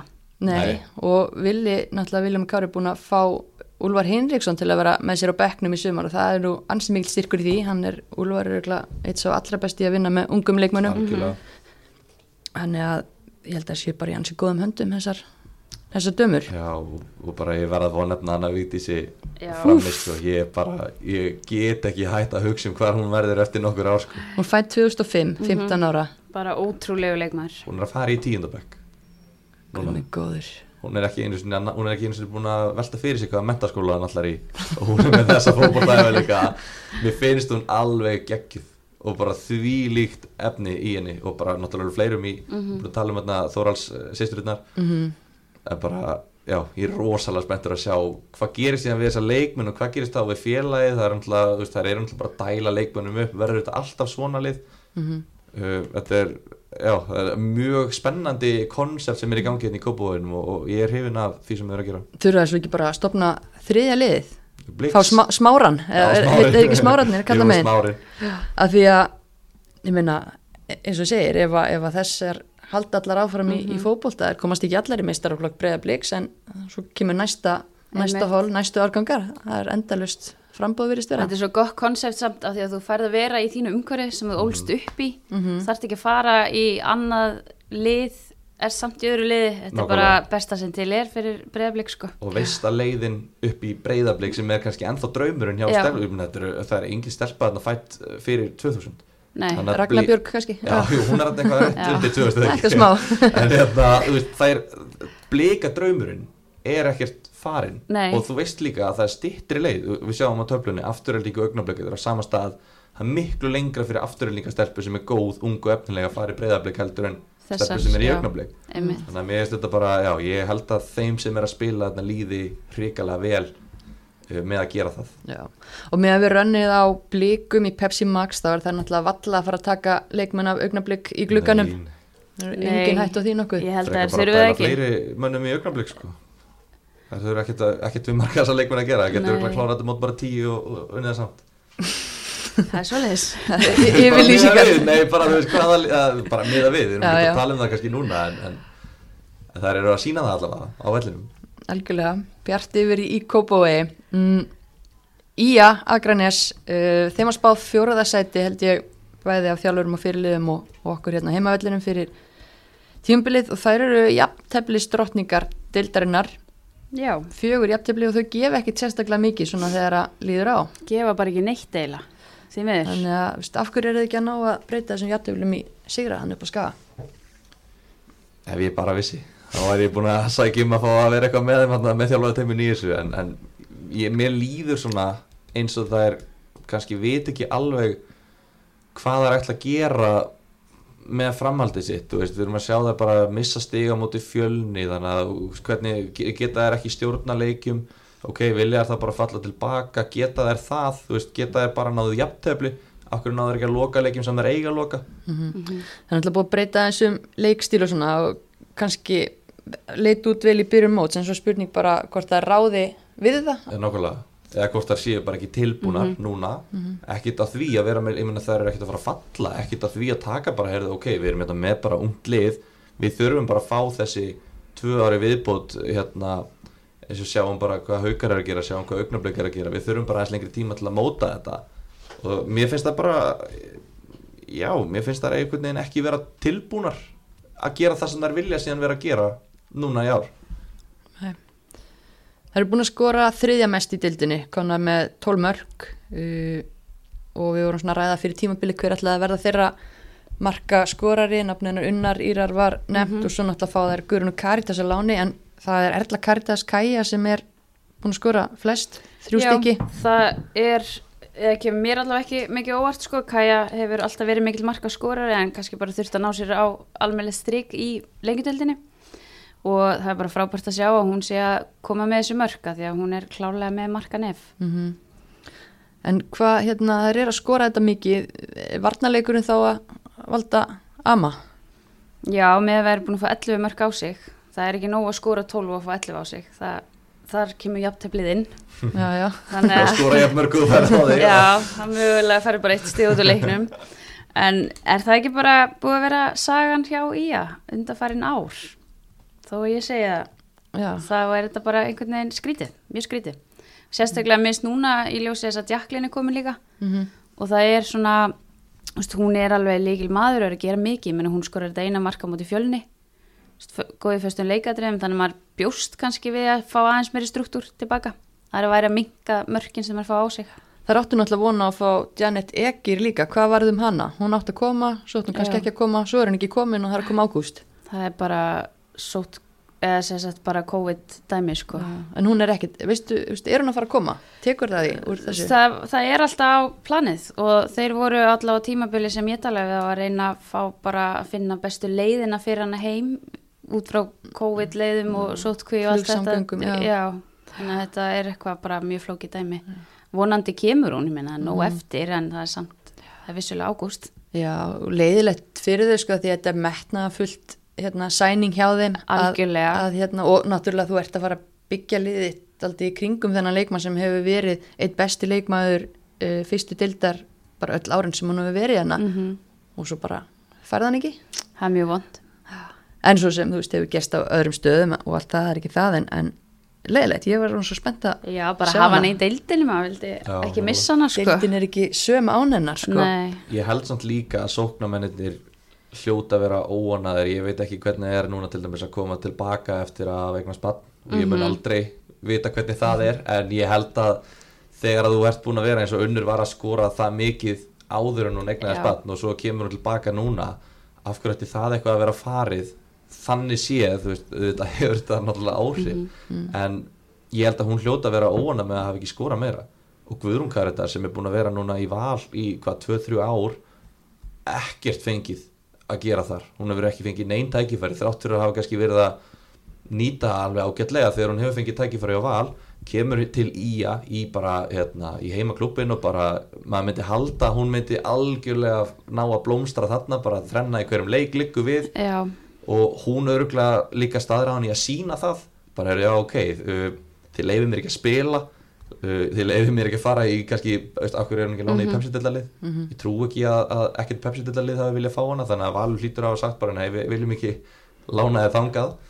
Uh, þannig að hún hlýtur að hafa verið svona ég veit það ekki, kannski ákveðin í því að vera að fara lánaði lengjudeldina og dreytin mörgum þar það verður ekki tekist heldur. Nei, þannig held að það er báðar hljóta að vera frekar óanaðar sjálfar bara að hafa ekki náða að skora meira En hvernig ætli statusin sé á Guðrunu Karitas því hún fer hann náttúrulega því hún meiðist rétt fyrir mót og, og hérna, sér fram að það að hún þurfi að koma sér í leikform annað og, og það sé betri möguleik að gera það annars starfni í, í val. Er hún komin í, í En- lag? sko hún náttúrulega var ekki í leikformi þegar hún kemur þannig að maður sá fyrir sér hún þurfti að spila sig í það. En svo var ég að heyra að hún hefði farið aftur í jöklanum Já, núna í síðasta leik þannig að það er spurning hvernig hvernig framhaldið henni verður bara. Hvort hún nái að koma sér í þetta form sem hún þarf að vera í. En mér finnst hún samt með þau gæði mitt maður bara vildi setja kröfur á hana hún myndi skora meira og, og vera meira afgerandi en svo er líka bara spurningin er henni ekki bara að fara að vanta smá sjálfströst það hlýtur að vera, það er ótrúlega erfitt að fá aldrei neinn tækifæri á val og svo er þó að þú komur inn og skorir og eitthvað þá fegstu aldrei, hún fekk náttúrulega aldrei sér sem bara greið. Já og svo er það að sækja líka leikmenn bara eins og núna, þeir eru að sækja unga leikmenn úr öðru liðum og maður kannski hugsa byrju, ok, ég skil alveg kannski að Elin Mett og Margret Lára séu tekna fram með mig en hvað er það að sækja Já. þessa leikmenn og því þær eru allar að fá tækifæri sko? Já. að því að svo vildi þeir heldur ekki losa hana. Þannig að þetta var svona ma já, maður finnur aðeins til með henni. Algjörlega, vonandi bara er þetta ekki alvarlegt með öklan eins og að segja? Því að ég er alveg viss um það að einmitt, aðeins fleiri leikir upp á skaga og, og skaga Ke- að já. finna sér betur og þá smellur þetta, hún er borðin bara- bredd markaskorari. Já, og ég kannski drega aðeins til aðeins í landlega og þá með, með þetta að, að, að það er náttúrulega bara ef maður er ekki heill þá er, þá, þá er maður ekki einu sinni, maður er kannski 50% Þannig Já. að þetta er, en það, það er samt skilur, maður er samt að spila. Og af hverju þetta að reyna að koma í eitthvað leikform ef þú ert meitt og ert hvað sem er samning, þú veist, þú ert í val ekki að fá neinn tækifæri, valur er væntalega lánaði til þess að þú fáir að komast í leikform svo þú getur komið heil tilbaka. Á hvernig að þjösnast á okkur meitt, ef, ef að svo er raunin, hverju að þjösnast á okkur til að geta komið þá bara, já ég er ennþá ekki að tæpa í öklanum í val. En svo kannski breytir engum máli, hún er ekkert að fara að fá neina mínútur í val og þeir, þeir valur er alveg búið að sína það, að þau, þau vilja ekkert með hann hafa. Nei, ekki með sögurnar. Nei. En ég held með unni líka bara, ég held að hún sé bara ennþá að ströggla með standið á sér þetta tekur bara tíma Já. og við gleymum því alltaf, þú veist. Já, og hvað er það maður lengi, bara nú bara spyr ég bara sem bara fáfróður ungur kallmaður hvað er maður lengi, þú veist, hvað á maður lengi að koma tilbaka eftir að eitthvað spann? Það er bara ótrúlega, veist, misjönd, ekki það að ég hafi eignast bann, en við þurfum kannski að spyrja ykkur aðrið um það mist, Já, en, við en held, ekki, en það er ekkit eitt rétt svar við Nei. þessu og auðvitað Nei. náttúrulega eru alla meðgöngur mjög mismunandi, veist, ég hún var var líka að tekur lengri tíma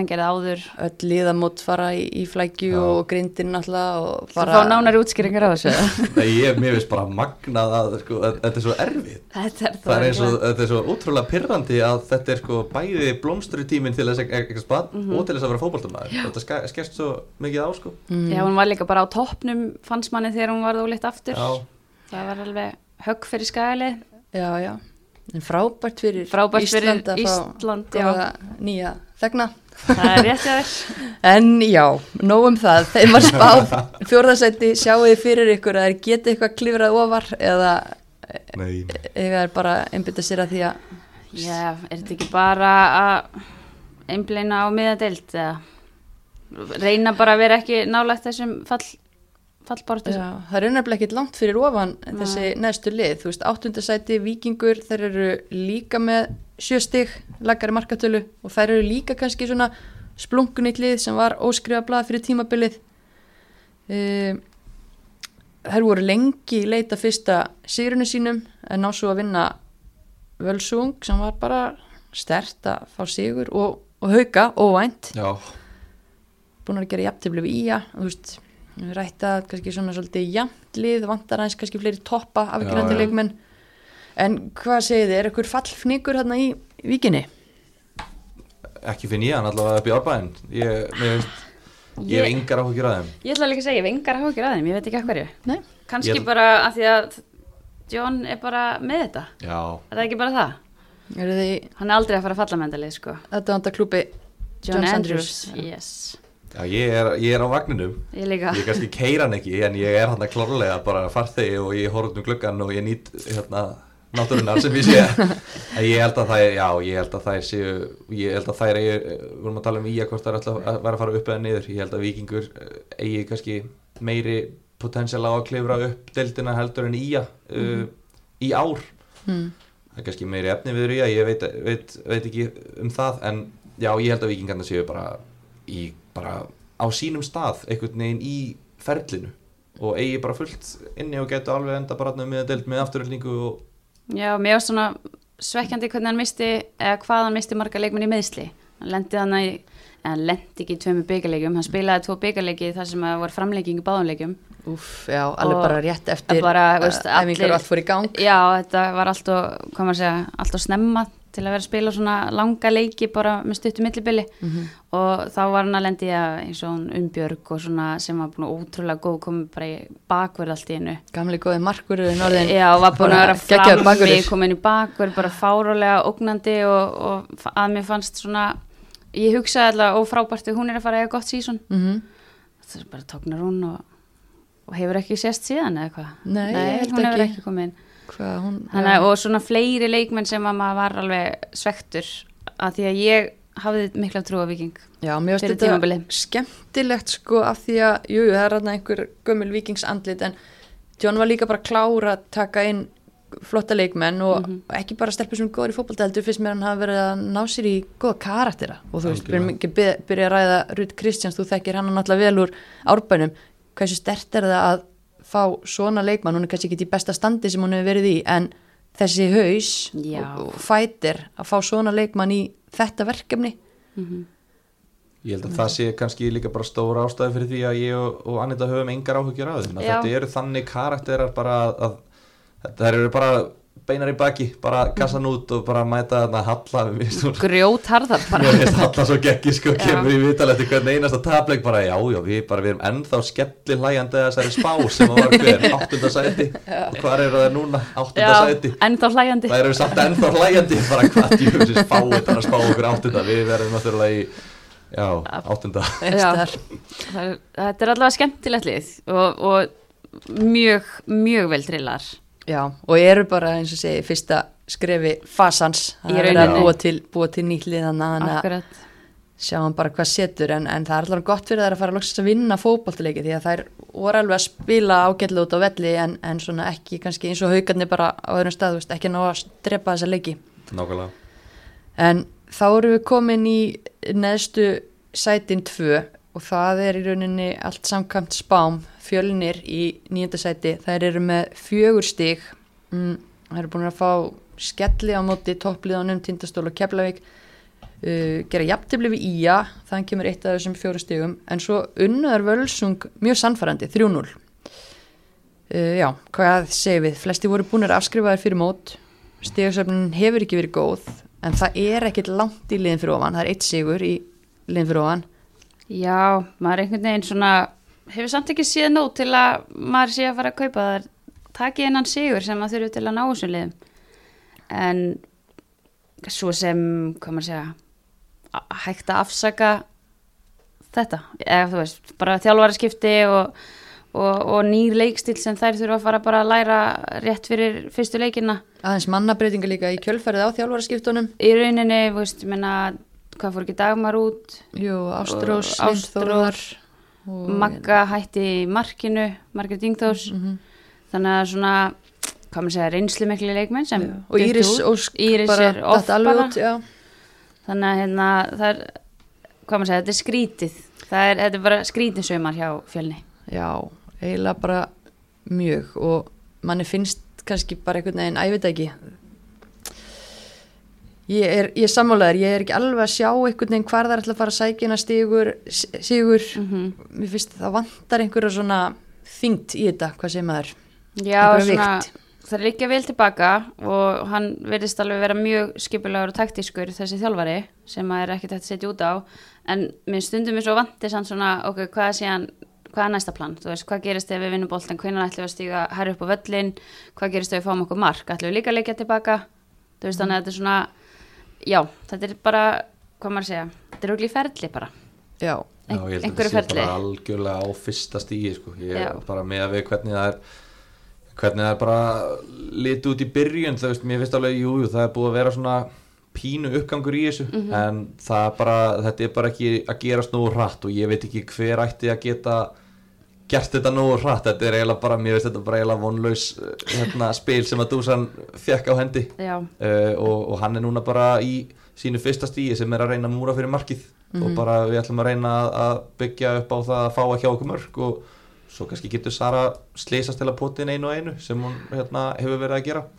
En Eh. manni finnst það svo pyrrandi mitt að vera múra fyrir marki og vera búin að fá 17 mörk á sig. Nákvæmlega. Það er Já. það sem að maður svona, ok, þetta er þá ekki alveg að virka. Hvenar ætlar að pæla þá í næsta, þú veist, hvað getum við gert annað? Algjörlega, en það eru bara 11 leikir eftir þannig að þú veist að uh, ég held að bara, er, er þetta ekki bara þannig? Hann Já. varð bara að taka já, þetta er bara staðan. ákvörðun um hvaða þrep hann ætlaði að fara í. Hann hefði alveg getað farið í bara, herri, já, við ætlum bara hérna, að spila bara hápressu og bara hérna uh, vinna þannig, vinna það bara 5-4 hann hefur ákveð, ok, uh, þið eruð bara ekki tilbúnar bara það er bara staðan og þið eru bara enga veginn klárar í þessa deild, við ætlum bara að byrja því að að byggja, að festa markið okkar en svo bara náðar því ekki og það eru ennþá einhvern veginn í því ferli núna eftir sjöleiki sem er bara skiljanlegt en samt Já. ekki það er erfitt að setja út á þetta allavega. Það er bara, veist, en staðan er rosalega slæm. Já. og þær eru bara já, mér finnst þetta ekki ég er ekki eitthvað, ég sé ekki fjölni bjarga sig frá falli eða vera einu sinni nála því sko, ég held, ég sé ekki bara ég sé þær ekki fá fleiri en áttastegi í sumar sko það er ekki, þú veist, maður hugsa svona með leikmennu svo söru. Þú veist, maður vill svo mikið að hún sé að spila bara blúsandi sóknabólta Nákvæmlega. og svo sama tíma skilur maður alveg ferlið sem að Dusan er í núna. Þú veist, þetta, hann er einhvern veginn svona smá tókast á. Svo er hann líka með hennar fleiri fljótari svo Lilju og Efi Marja miðjunu og svona, þannig að veist maður svona spyrsið þurfa ekki að fara bara aðeins hær upp á völlin Kannski hafa enga tapa núna Já, í rauninni bara, þú veist, ok, þú ert búin að drilla þér vel í varnafasanum spurningin þá núna þriðjungu búin, tökum við, tökum við næsta fasa. en þá kemur á móti að ok, þú, reyn, þú ert búin að reyna sjö leiki að múra fyrir markið og þú gasta ekki, það gátu ekki gert það hvort sem það er að hann er ekki að ná að útskýra það nógu vel eða þær bara get ekki framkvæmt það. Þetta er líka bara góð deild. Af hverju, Já, já, það en af hverju ættu þær þá að geta tekið við einhvers konar öðruvísi útskýringum um sóknarleik eða þurfti sjö leiki til þess að múra fyrir markið og það tók samt ekki. Hvað þarftu það marga leiki til þess að ná að byggja eitthvað sóknarleik, þú þarf kannski 30 leiki, skýrðu við Já, svo ertu líka með unga leikmenn og maður spyr sér líka, þú veist, þarf ekki bara stundum að hafa gaman og, og Já. sjá hvað fær þá út úr leikmennunum, ekki það ég veit hvernig þetta er sett upp skilur en maður svona pælir alveg í því þú veist þetta er ógæslega þungt það eru þungi hlutir að gerast það er þungt að vera bara að vinna í varnarleik stanslaust Algjörlega. þannig að þetta, þetta er marga pælingar fyrir fjölnismenn.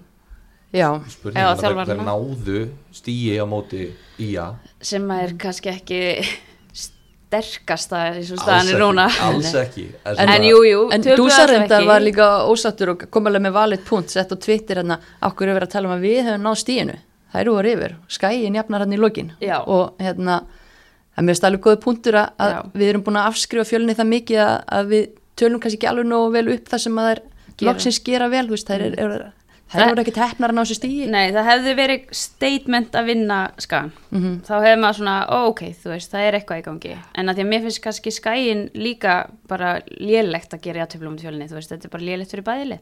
Já, en við kannski, já, maður sjá aðeins, það er aðeins að býta frá sér, þannig að gefa þeim kannski fram í, í mittumót til þess að afgreða þær alveg niður, eða ekki? Já, já, það, Já, það, það er bara þrjú stig í örugt sæti Nei, já, já, þrjú stig segi og, og þetta er, Þetta er aldrei búið. þó ég haldi að þær séu ekki að fara að fá nema kannski þrjú, þrjú stigi viðbót í sumar, þá þýðir það ekki að, að ég er ekki kannski það góður í að spá þessa eins og ég er í fantasíinu sko að, hérna, Það er hlæja þeir núna. Já, ég meina þá bara hlæja þær að mér Það er bara gott. Það getur vel verið að þær hafi bara verið ég meina, að þær hafi bara verið bara talsveld sterkari en í að ég sá ekki leikin og þær hafi bara verið þvílíkt óöfnar ykkur dómar að skanda allar missi þetta niður Já, nei, það nei, það var nú ekki þannig, en, en hérna, en, en þá, þá bara sína það mér í næsta leik að þetta hafi ekki verið hefni af því að þú getur gert þetta tvoleikiröð þá er þetta kannski ekki hefni að, að þú, þetta er annar leikurinn í sumar sem er skora marki hinn er á móti völsungi. Það er ekki skorað eitt mark á móti hinnum liðanum þannig að ég ætla algjörlega að býða þá þetta sé, jú þetta er fýtt punktur hjá honum. Og bara flott hjá honum að fara á Twitter til leik og leika sér eitthvað sko, gera eitthvað, pæla ykkur öðru. En bara það er ekki séns að ég ætla að fara að gefa hann eitthvað kredit fyrir eitt eitt jafntöflu á heima allir móti í að bam. Það er bara sammála, Já, algjörlega sammála. Yes, yes, heyrðu, en þá er það uh, liðið sem hefur átt erfiðast uppdráttar og sittur stiga laust á botninum. Völsungur, búið að vera erfitt hjá öðrum nýliðunum. Já, smá munur á gengi, nýlega, væga sagt vægasagt. Og þær eru bara 14 búnar stega að- munur. Já, Já, þær eru bara búin að skora tvö mörg líka mitt og fá á sér 19 í sex leikjum allt og mikið og tapa stórt fyrir liðunum sem er í neðlutanum já, já, þetta er náttúrulega bara ef, að- ef, að- ef fjölnir er á slæmi stað þá veit ég ekki hvað þeim að segja um sko, Völsung, sko. bara algjör brekka á Húsavík. Já, besta framistæðan kannski í síðasta leik þegar tapa 2-1 heima fyrir grótu já, Já, það er það er alveg svo sem jákvætt kannski, þetta horfið að þannig en svo hefur maður bara heyrt að það eru bullandi markmannsvandræðum og, og mikið bara gengur bara illa að fá markmann átt að fá markmann, fá hann ekkert á COVID og Já. Þá Erlend- bara erlendan þá. já, erlendu markmann. Og það hefur efst heyrst hefur að þú veist, það er búið að tala við ansi marga bara sem eru hættir eru þú veist, búið að tala um mörg liðum að fá mögulega varamenn og þú veist, þetta er bara ótrúlega erfi staða. Allir ángar úti, þau, þau hefur ekki viljað tala við Loren Amy Allen sem að sýtur á bekknum með Þór Káa þeir hafa ekki gert það. Ég hugsa að það sé búið að tala við alla. Sem að, eða veist, reyna svona meiri þess að heyrði maður bara af eldri markmönnum sem eru bara löngu hættir að spila, sko. var ekki búið að hringi mig Er þú, já, Nei. fyrir þig, en það er eitthvað sko hrikalegt að það sé ekki búin ekki þig Nei, er það að bjóða fram aðstóð þína núna? Nei, alls ekki, en það er, það er frábært að það sé ekki búið að hringi mig en Hérna, sko af hverju uh, vitið þið af hverju þær eru ekki að fá markmannin frá Þór nei, Lauren Amy. Uh, nei, ekki hugmynd. Þetta er gjörsamlega óskiljanlegt hvað, hvað er maður lengi frá Akureyrar Húsavík það er alveg lúmst er, það- er maður lengi eða það ekki Ég er mjög léli í landafræði, þannig svara Ég, ætlaði að kíkja á Jæja Ding Dong barinn hann um daginn þegar Já. akkurir en mér fannst það of langt til þess að fara fram og tilbaka sko. Já, ok. Að þú hafur ekki kyrt samt fyrir hann, sko.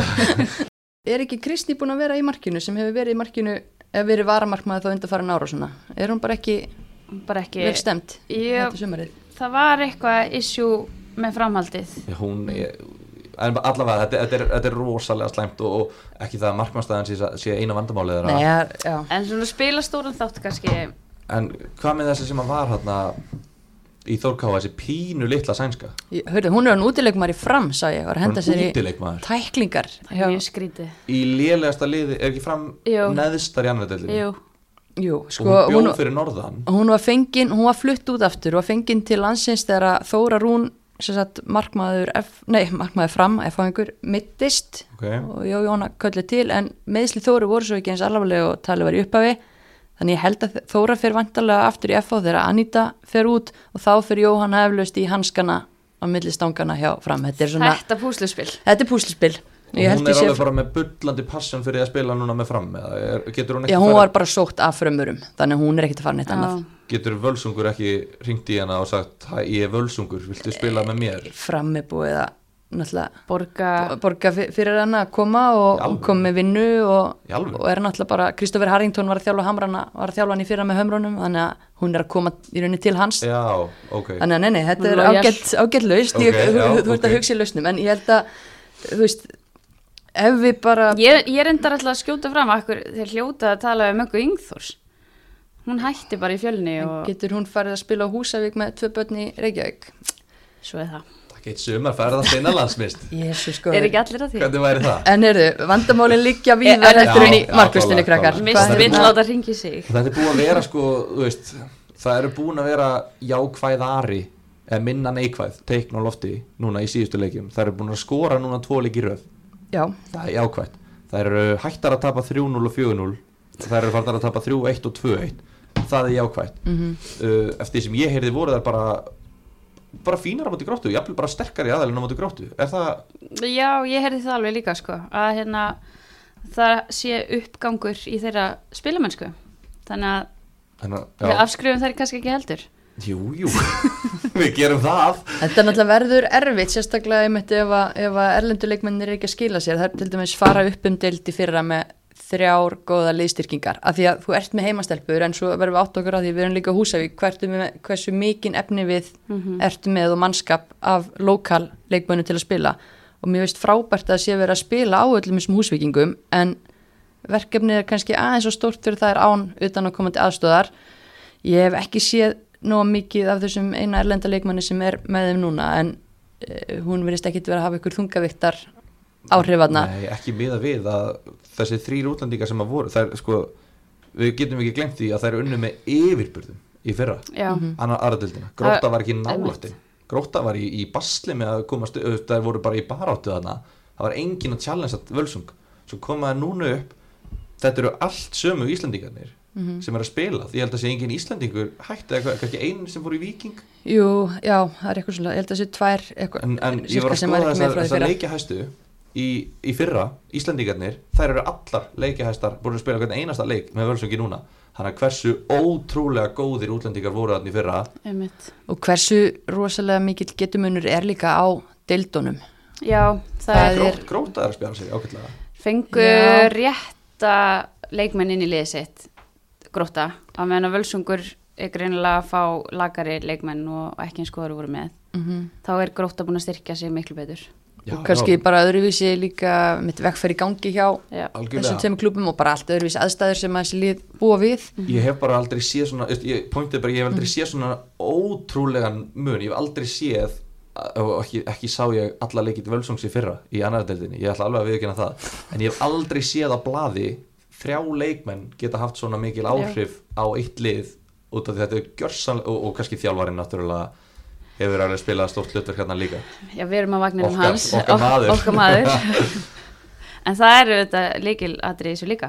Og það má ekki gleymast að þeir skiptum þjálfara. Já, Já, eða hann sem kannski kýsa fara eitthvað annað. Já, já.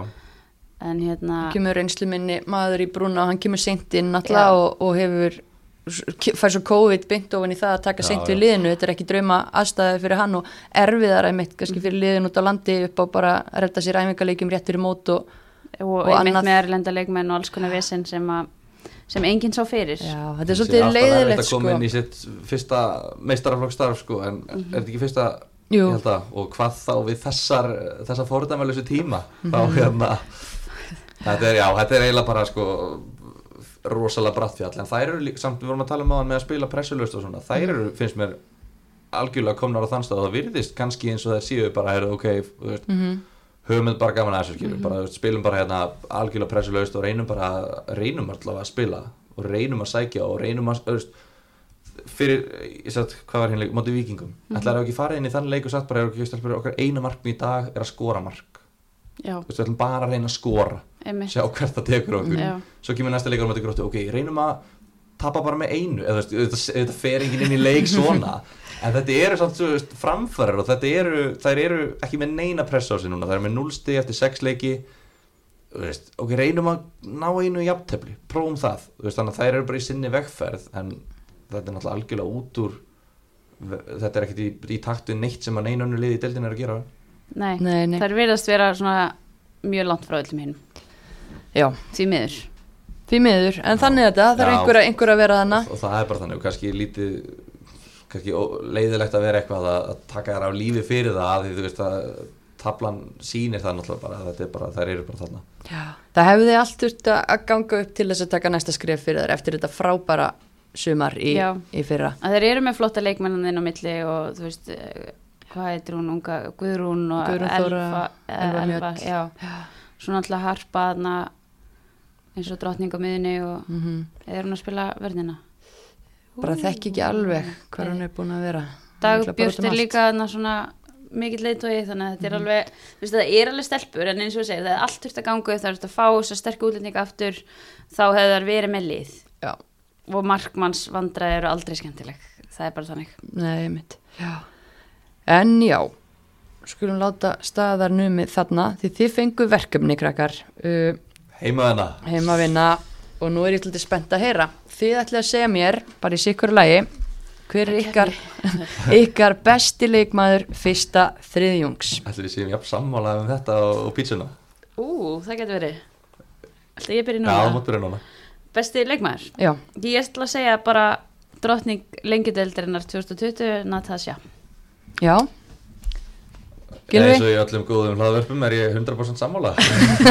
Ég er bara Hvað besta kombo hérna. Já, já, þetta sko Alanslískonan í Keflavík. Já, já, bara besti leikmaðurinn er bara besti leikmaður Já, hún er líka búin að mér. skora hvað, fimm mörg og hún er bara langbest. Já, er á topnum Hún er allavega ekki valda okkur vonbrum.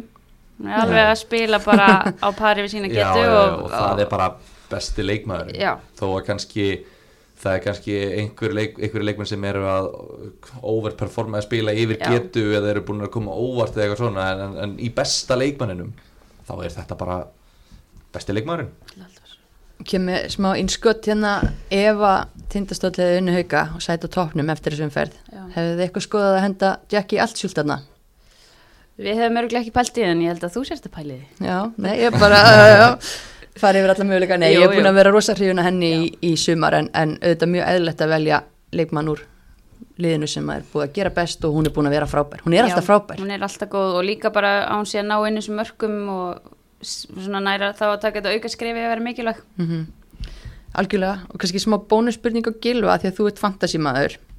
Hver í lengjunni ef við erum bara að pæla í svona stigagjöf og svona hver Já. í lengjunni væri fyrst á blað hjá þér ef það væri fantasídild fyrir dildina væri það Natasja eða væri það einhver önnur? Ég ætla, nei, nei, ég var ekkert með Natasja ég, en ég ætla að mynda að nefna það áðan það væri geðveitt að fá fantasy-deild í lengjudildina mm, En hugmynd fyrir hérna, næsta ár. Ég myndi, fyrsta sem að ég hugsa sko, ef að Vienna væri skræðað sem miðjumæður já, þá myndi ég taka hana. En Muriel er annars. Já, Hún er fyrsta sko, en hún myndi örgulega að kosta svona 17 miljónir sko. Allavega Hún hana var í lang dýrist þetta, en ég, jú, hún væri nú fyrst, hún væri nú fyrir líf flestu leikjum. Já, ok en hérna besti þjálfarin ég er spennt líka að heyra hvort þið séu samstíða þar, nú má þú byrja Gilvi Ef að segja á sama tíma Gætum alveg gert það. Ok, einn, tveir og Magnús Magnús Örn Helgason Ok, Ó, vá vel gert. Vá, Akkur erum við bæðið þetta? Já, ég býð ykkur ekki báðum aftur á sama tíma, það er Alltaf alveg, sammála. alveg hreinu en, en það er Maggi með spútnik já. grótuna sína, Já, 100%. þriðja seti eftir Já, bara Sjöleiki. Er að gera vel með þetta lið. Þú sér bara á liðinu að það er vel þjálfað. Og það veit svona hvað á að gera, allir vita sín hlutverk. Þá ertu bara góð þjálfari, með það ekki? Vel dreinar, ég held sko ég held að persónulega sko ég geti, veist, ekki að ég sé eitthvað að, hvernig var þetta keflaðu gera eftir, það er með eitthvað 17 stig uh, ég held að ég geti alveg verið með 17 stig fyrir keflaðu ef ég var að þjálfa þær þó að ég kunni ekkert að þjálfa skilju, en ég er ekki að segja að Gunni sé ekki að gera frábæra hluti, en ég er bara að segja þú veist, að þetta er ekki eins Já. svona heitlandi eða svona, svona já, heitlandi heldur en að vera með 14 stegum með gróttu nýliða tveimur stegum frá því að vera að fara upp um deild. Þetta er bara, Það er bara eitthvað algjör og kjúklinga líka. Já, nákvæmlega. Bara, Já, engin leikmenn sem hafa svo sem sanna sig í þessari deild, þú veist, nema kannski hulda sig, hún sanna sig í efstu deild, en Já. annars er þetta stelpur sem eru að Já. fá sviði svolítið einmitt mörguleit í fyrsta sinn. og ég meina kannski Jónsi, þú veist, hann, hann væri ég myndi frekka að gefa honum þetta heldur en heldur Gunna, en Já. hérna að því það, það eru örugglega einhverjur að hugsa bara, vá, býtu, vá, þau eru að reyna að vera svo sniðu og velja eitthvað sem er ekki fyrsta en að því, að því að punkturinn með það, þau gæti alveg þú gætir alveg sagt, býtu, horfðu bara á hauka þær eru búin að vera svolítið að hérna, þær eru ekki búin að ná þessum sigurum, keflag og stundastóður eru búin að sækja sér stig, þannig að svona fyrir þá sem eru núna öskrandi á síman sinn bara, nei, þú veist kem, all, all, all, kempikingarnir og, og söð kræklingarnir þá er þetta svona, já, raukstöðningurinn af hverju hinir fengu þetta ekki Já. Fyrir mér, Ég kaupi þetta alveg hjá okkur. Já. En hvað hefur ykkur fyndist svona óvæntast það sem aðeins sumri? Það má vera bara whatever. whatever, óvæntast það er ég var með þar að mér fannst kannski bara, ó, mér, ég sett á blað bara að mér finnst grótt að vera óvæntast mm. eins og við erum búin að ræða og koma inn og svo sem eru spútnik liðið og allt það en fyrir mig, mig persónulega líka var bara, er afturhelding að koma mér óvart Já. bara ef ég á að taka þessi lið og ég er ána með það Mm -hmm. mjög ána með Júla hvað hann er að gera í Mósó Já. Get ég? get ég, ég er náttúrulega að skrifa gróta líka Þannig að þetta reyna að hugsa eitthvað nýtt. uh, sko, já, mér finnst til dæmis óvænt að sjá sjá lið, já, bara spila sjö leiki og, og vera með 8-5 í markatölu ég Já. veit ekki hvað það er við það sko en ég er bara sko, ég kemst ekki yfir að hvað mér finnst það magna Það er sjarmerandi. ég, ég, ég elska það, sko, ég elska það svona agaðan varnarleik og bara fa- mér finnst þetta svo fallegt en jú, ég, mér finnst, jú, það kemur mér á óvart bara gróta sé þetta sko, það, veist meira og minna allt annað er nokkurn veginn eftir bókinni sko Já. En er þá ekkert sem hefur valdið ykkur svona sérstökum vombriðum? Því að kemur alltaf einn svona leiðenda spurning. Það er alveg, alveg svo leið sko Hvað varst þú með þar? Uh, þú veist, auðvitað er ég fyrir vonbröð með að þessi lið í sér deild með 0 stig eftir 6 leiki og ekki, og valla nálætt í einu sinni að vera með 1 stig. Mm þannig að þú veist, það er allir mér persónulega vonbröðum þó að kannski þetta hafi leið í loftinu ég veit það ekki. Uh, ég ef við hefum tekið þetta fyrir síðustumferð þá hefði ég sagt að ég væri fyrir vonbröðu með hauga Já. uh, og ég væri fyrir vonbröðu með hversu óspennandi deildin væri. Þetta því að þá hefði ég sagt bara þa þarna eru fjölnir bara búið að vinna völsung. Mhm. þá er bara fjölnir og völsungu fallið og, mm og kefla okkur tindaslu komið upp Þetta galopnaðist. þetta galopnaðist og, og hérna, þannig að ég er ekki fyrir vonbröðu núna þannig að mér finnst þetta alveg galopið. Það eru bara fimm stig sem að munna þarna á milli og það, þau eru öll inni leikina innbyrðis. Já, haukar voru svona fyrstir á blaðið mitt fyrir umferðin í gær Já. með vonbreið Þannig að þeir náðu að já, breyta öllu. Að dotsa þetta. Og Nú gera eru bara- bara svona aftur maður bara ok, yes. Við erum bara allsæl. Þetta er lítið af vombriðum í þessari til. já, maður vill bara fá Já. spennu. Ég er sko náttúrulega alltaf fyrir vonbreið með mínar skagakonur að vera ekki ofar í töflunni en, en á sama tíma þá eins og við farið yfir þá kannski ekkit Greina af hverju. brjálaðslega mikið að þú veist, og það er ekkit langt frá heldur þannig að þetta er kannski ekki ekki vonbreið strax Nei, það er gefa svolítið smá meiri tíma. Já, það er svolítið snemt kannski að fara að tala um eitthvað svona vonbrið með árangur út af því að þetta er allt svona frekar Já. Já, já. Maður verður alltaf að henda einni leiðilegri með, sko. Ok, En hérna, uh, en svona bara að lokum, við fyrir aftur í jákvæðinina, einhver leikmaður sem þið að þekktu lítið til eða B hafðu litlar væntinga til sem að ykkur finnst hafa verið að gera vel í sumar og hefur svona náð auga ykkar. þú byrja Ég skal byrja. Ég reyndar bara, svo við höldum áfram bara að tala um gróttu sem miður fyrir alla hina sem eru að hlusta á þóliki gróttu. En það er leikmann þar, Bjargei Sigurborg Ólafsson Já, sem að ég bara var bara, hver er þetta eiginlega þannig séð. mm. En hún er sem sagt fætt 94 á 66 meistarlófsleiki á bakinu og er bara búin að vera algjör þungavegt að leikmaður að þennan miðinni hjá þeim. Og ég bjóst ekki við neina henni og ég held að hún spilaði með grótt í fyrra, býr eitthvað, var eitthvað eins í Káer, fór í Viking Ólasvík, þú veist, hún er áli smá feril bara mm -hmm. Og- fyrir svolítið low key Já, svona er undir radarnum einhvern veginn og þetta nafn, þú veist, Bjargi, já bara, já, þú veist, Wow. eiginlega, þú veist, ekki, leðilt að segja það, skilur maður ekkert eitthvað, hver er þetta, en jú, það var pínuð þannig. mm -hmm.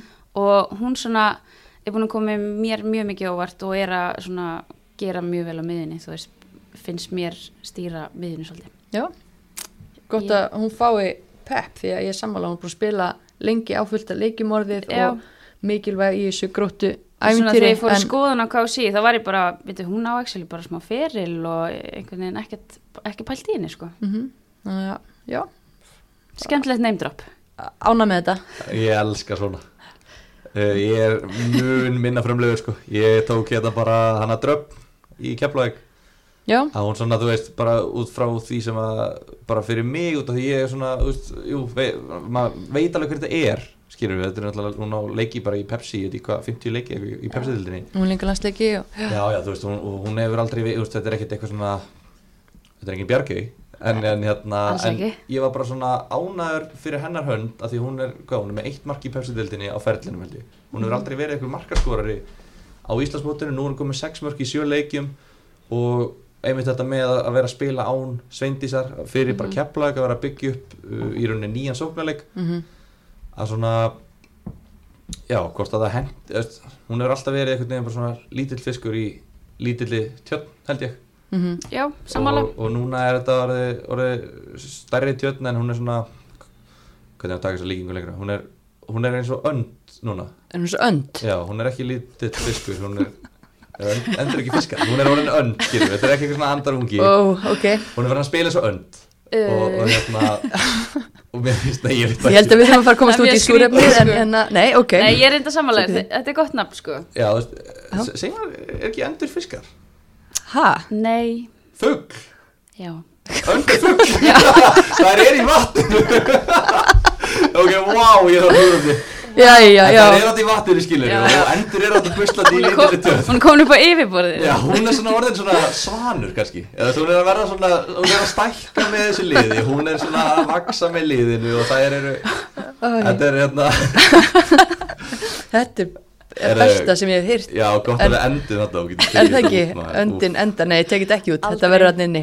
En hérna, það er löng, helgi framöndan, við þurfum að fara að fá okkur súrefni. Úf, Já, ég þarf að fara að komast í fórstöðstöldinguna Akkurat, fordæmalustri Vestlunumanna helgi, það verður lítið um brekkuskandala en við fáum samt vonandi þennan árlega slúðurskamt sem best alltaf eftir fyrstu helgin í ágúst. Þannig að hérna, Misti Valsung uff, já, Já, já, það er fyrsta. Einmitt. En já, við skulum ekki hafa þetta lengri í dag, takk hérlega fyrir að koma, eh, kæri gestir, en öndin maður, wow. og bara takk fyrir að hlusta gott fólk og takk Origo, Hekla og Dominos fyrir að bjóða upp á þessa vislu. Góða helgi!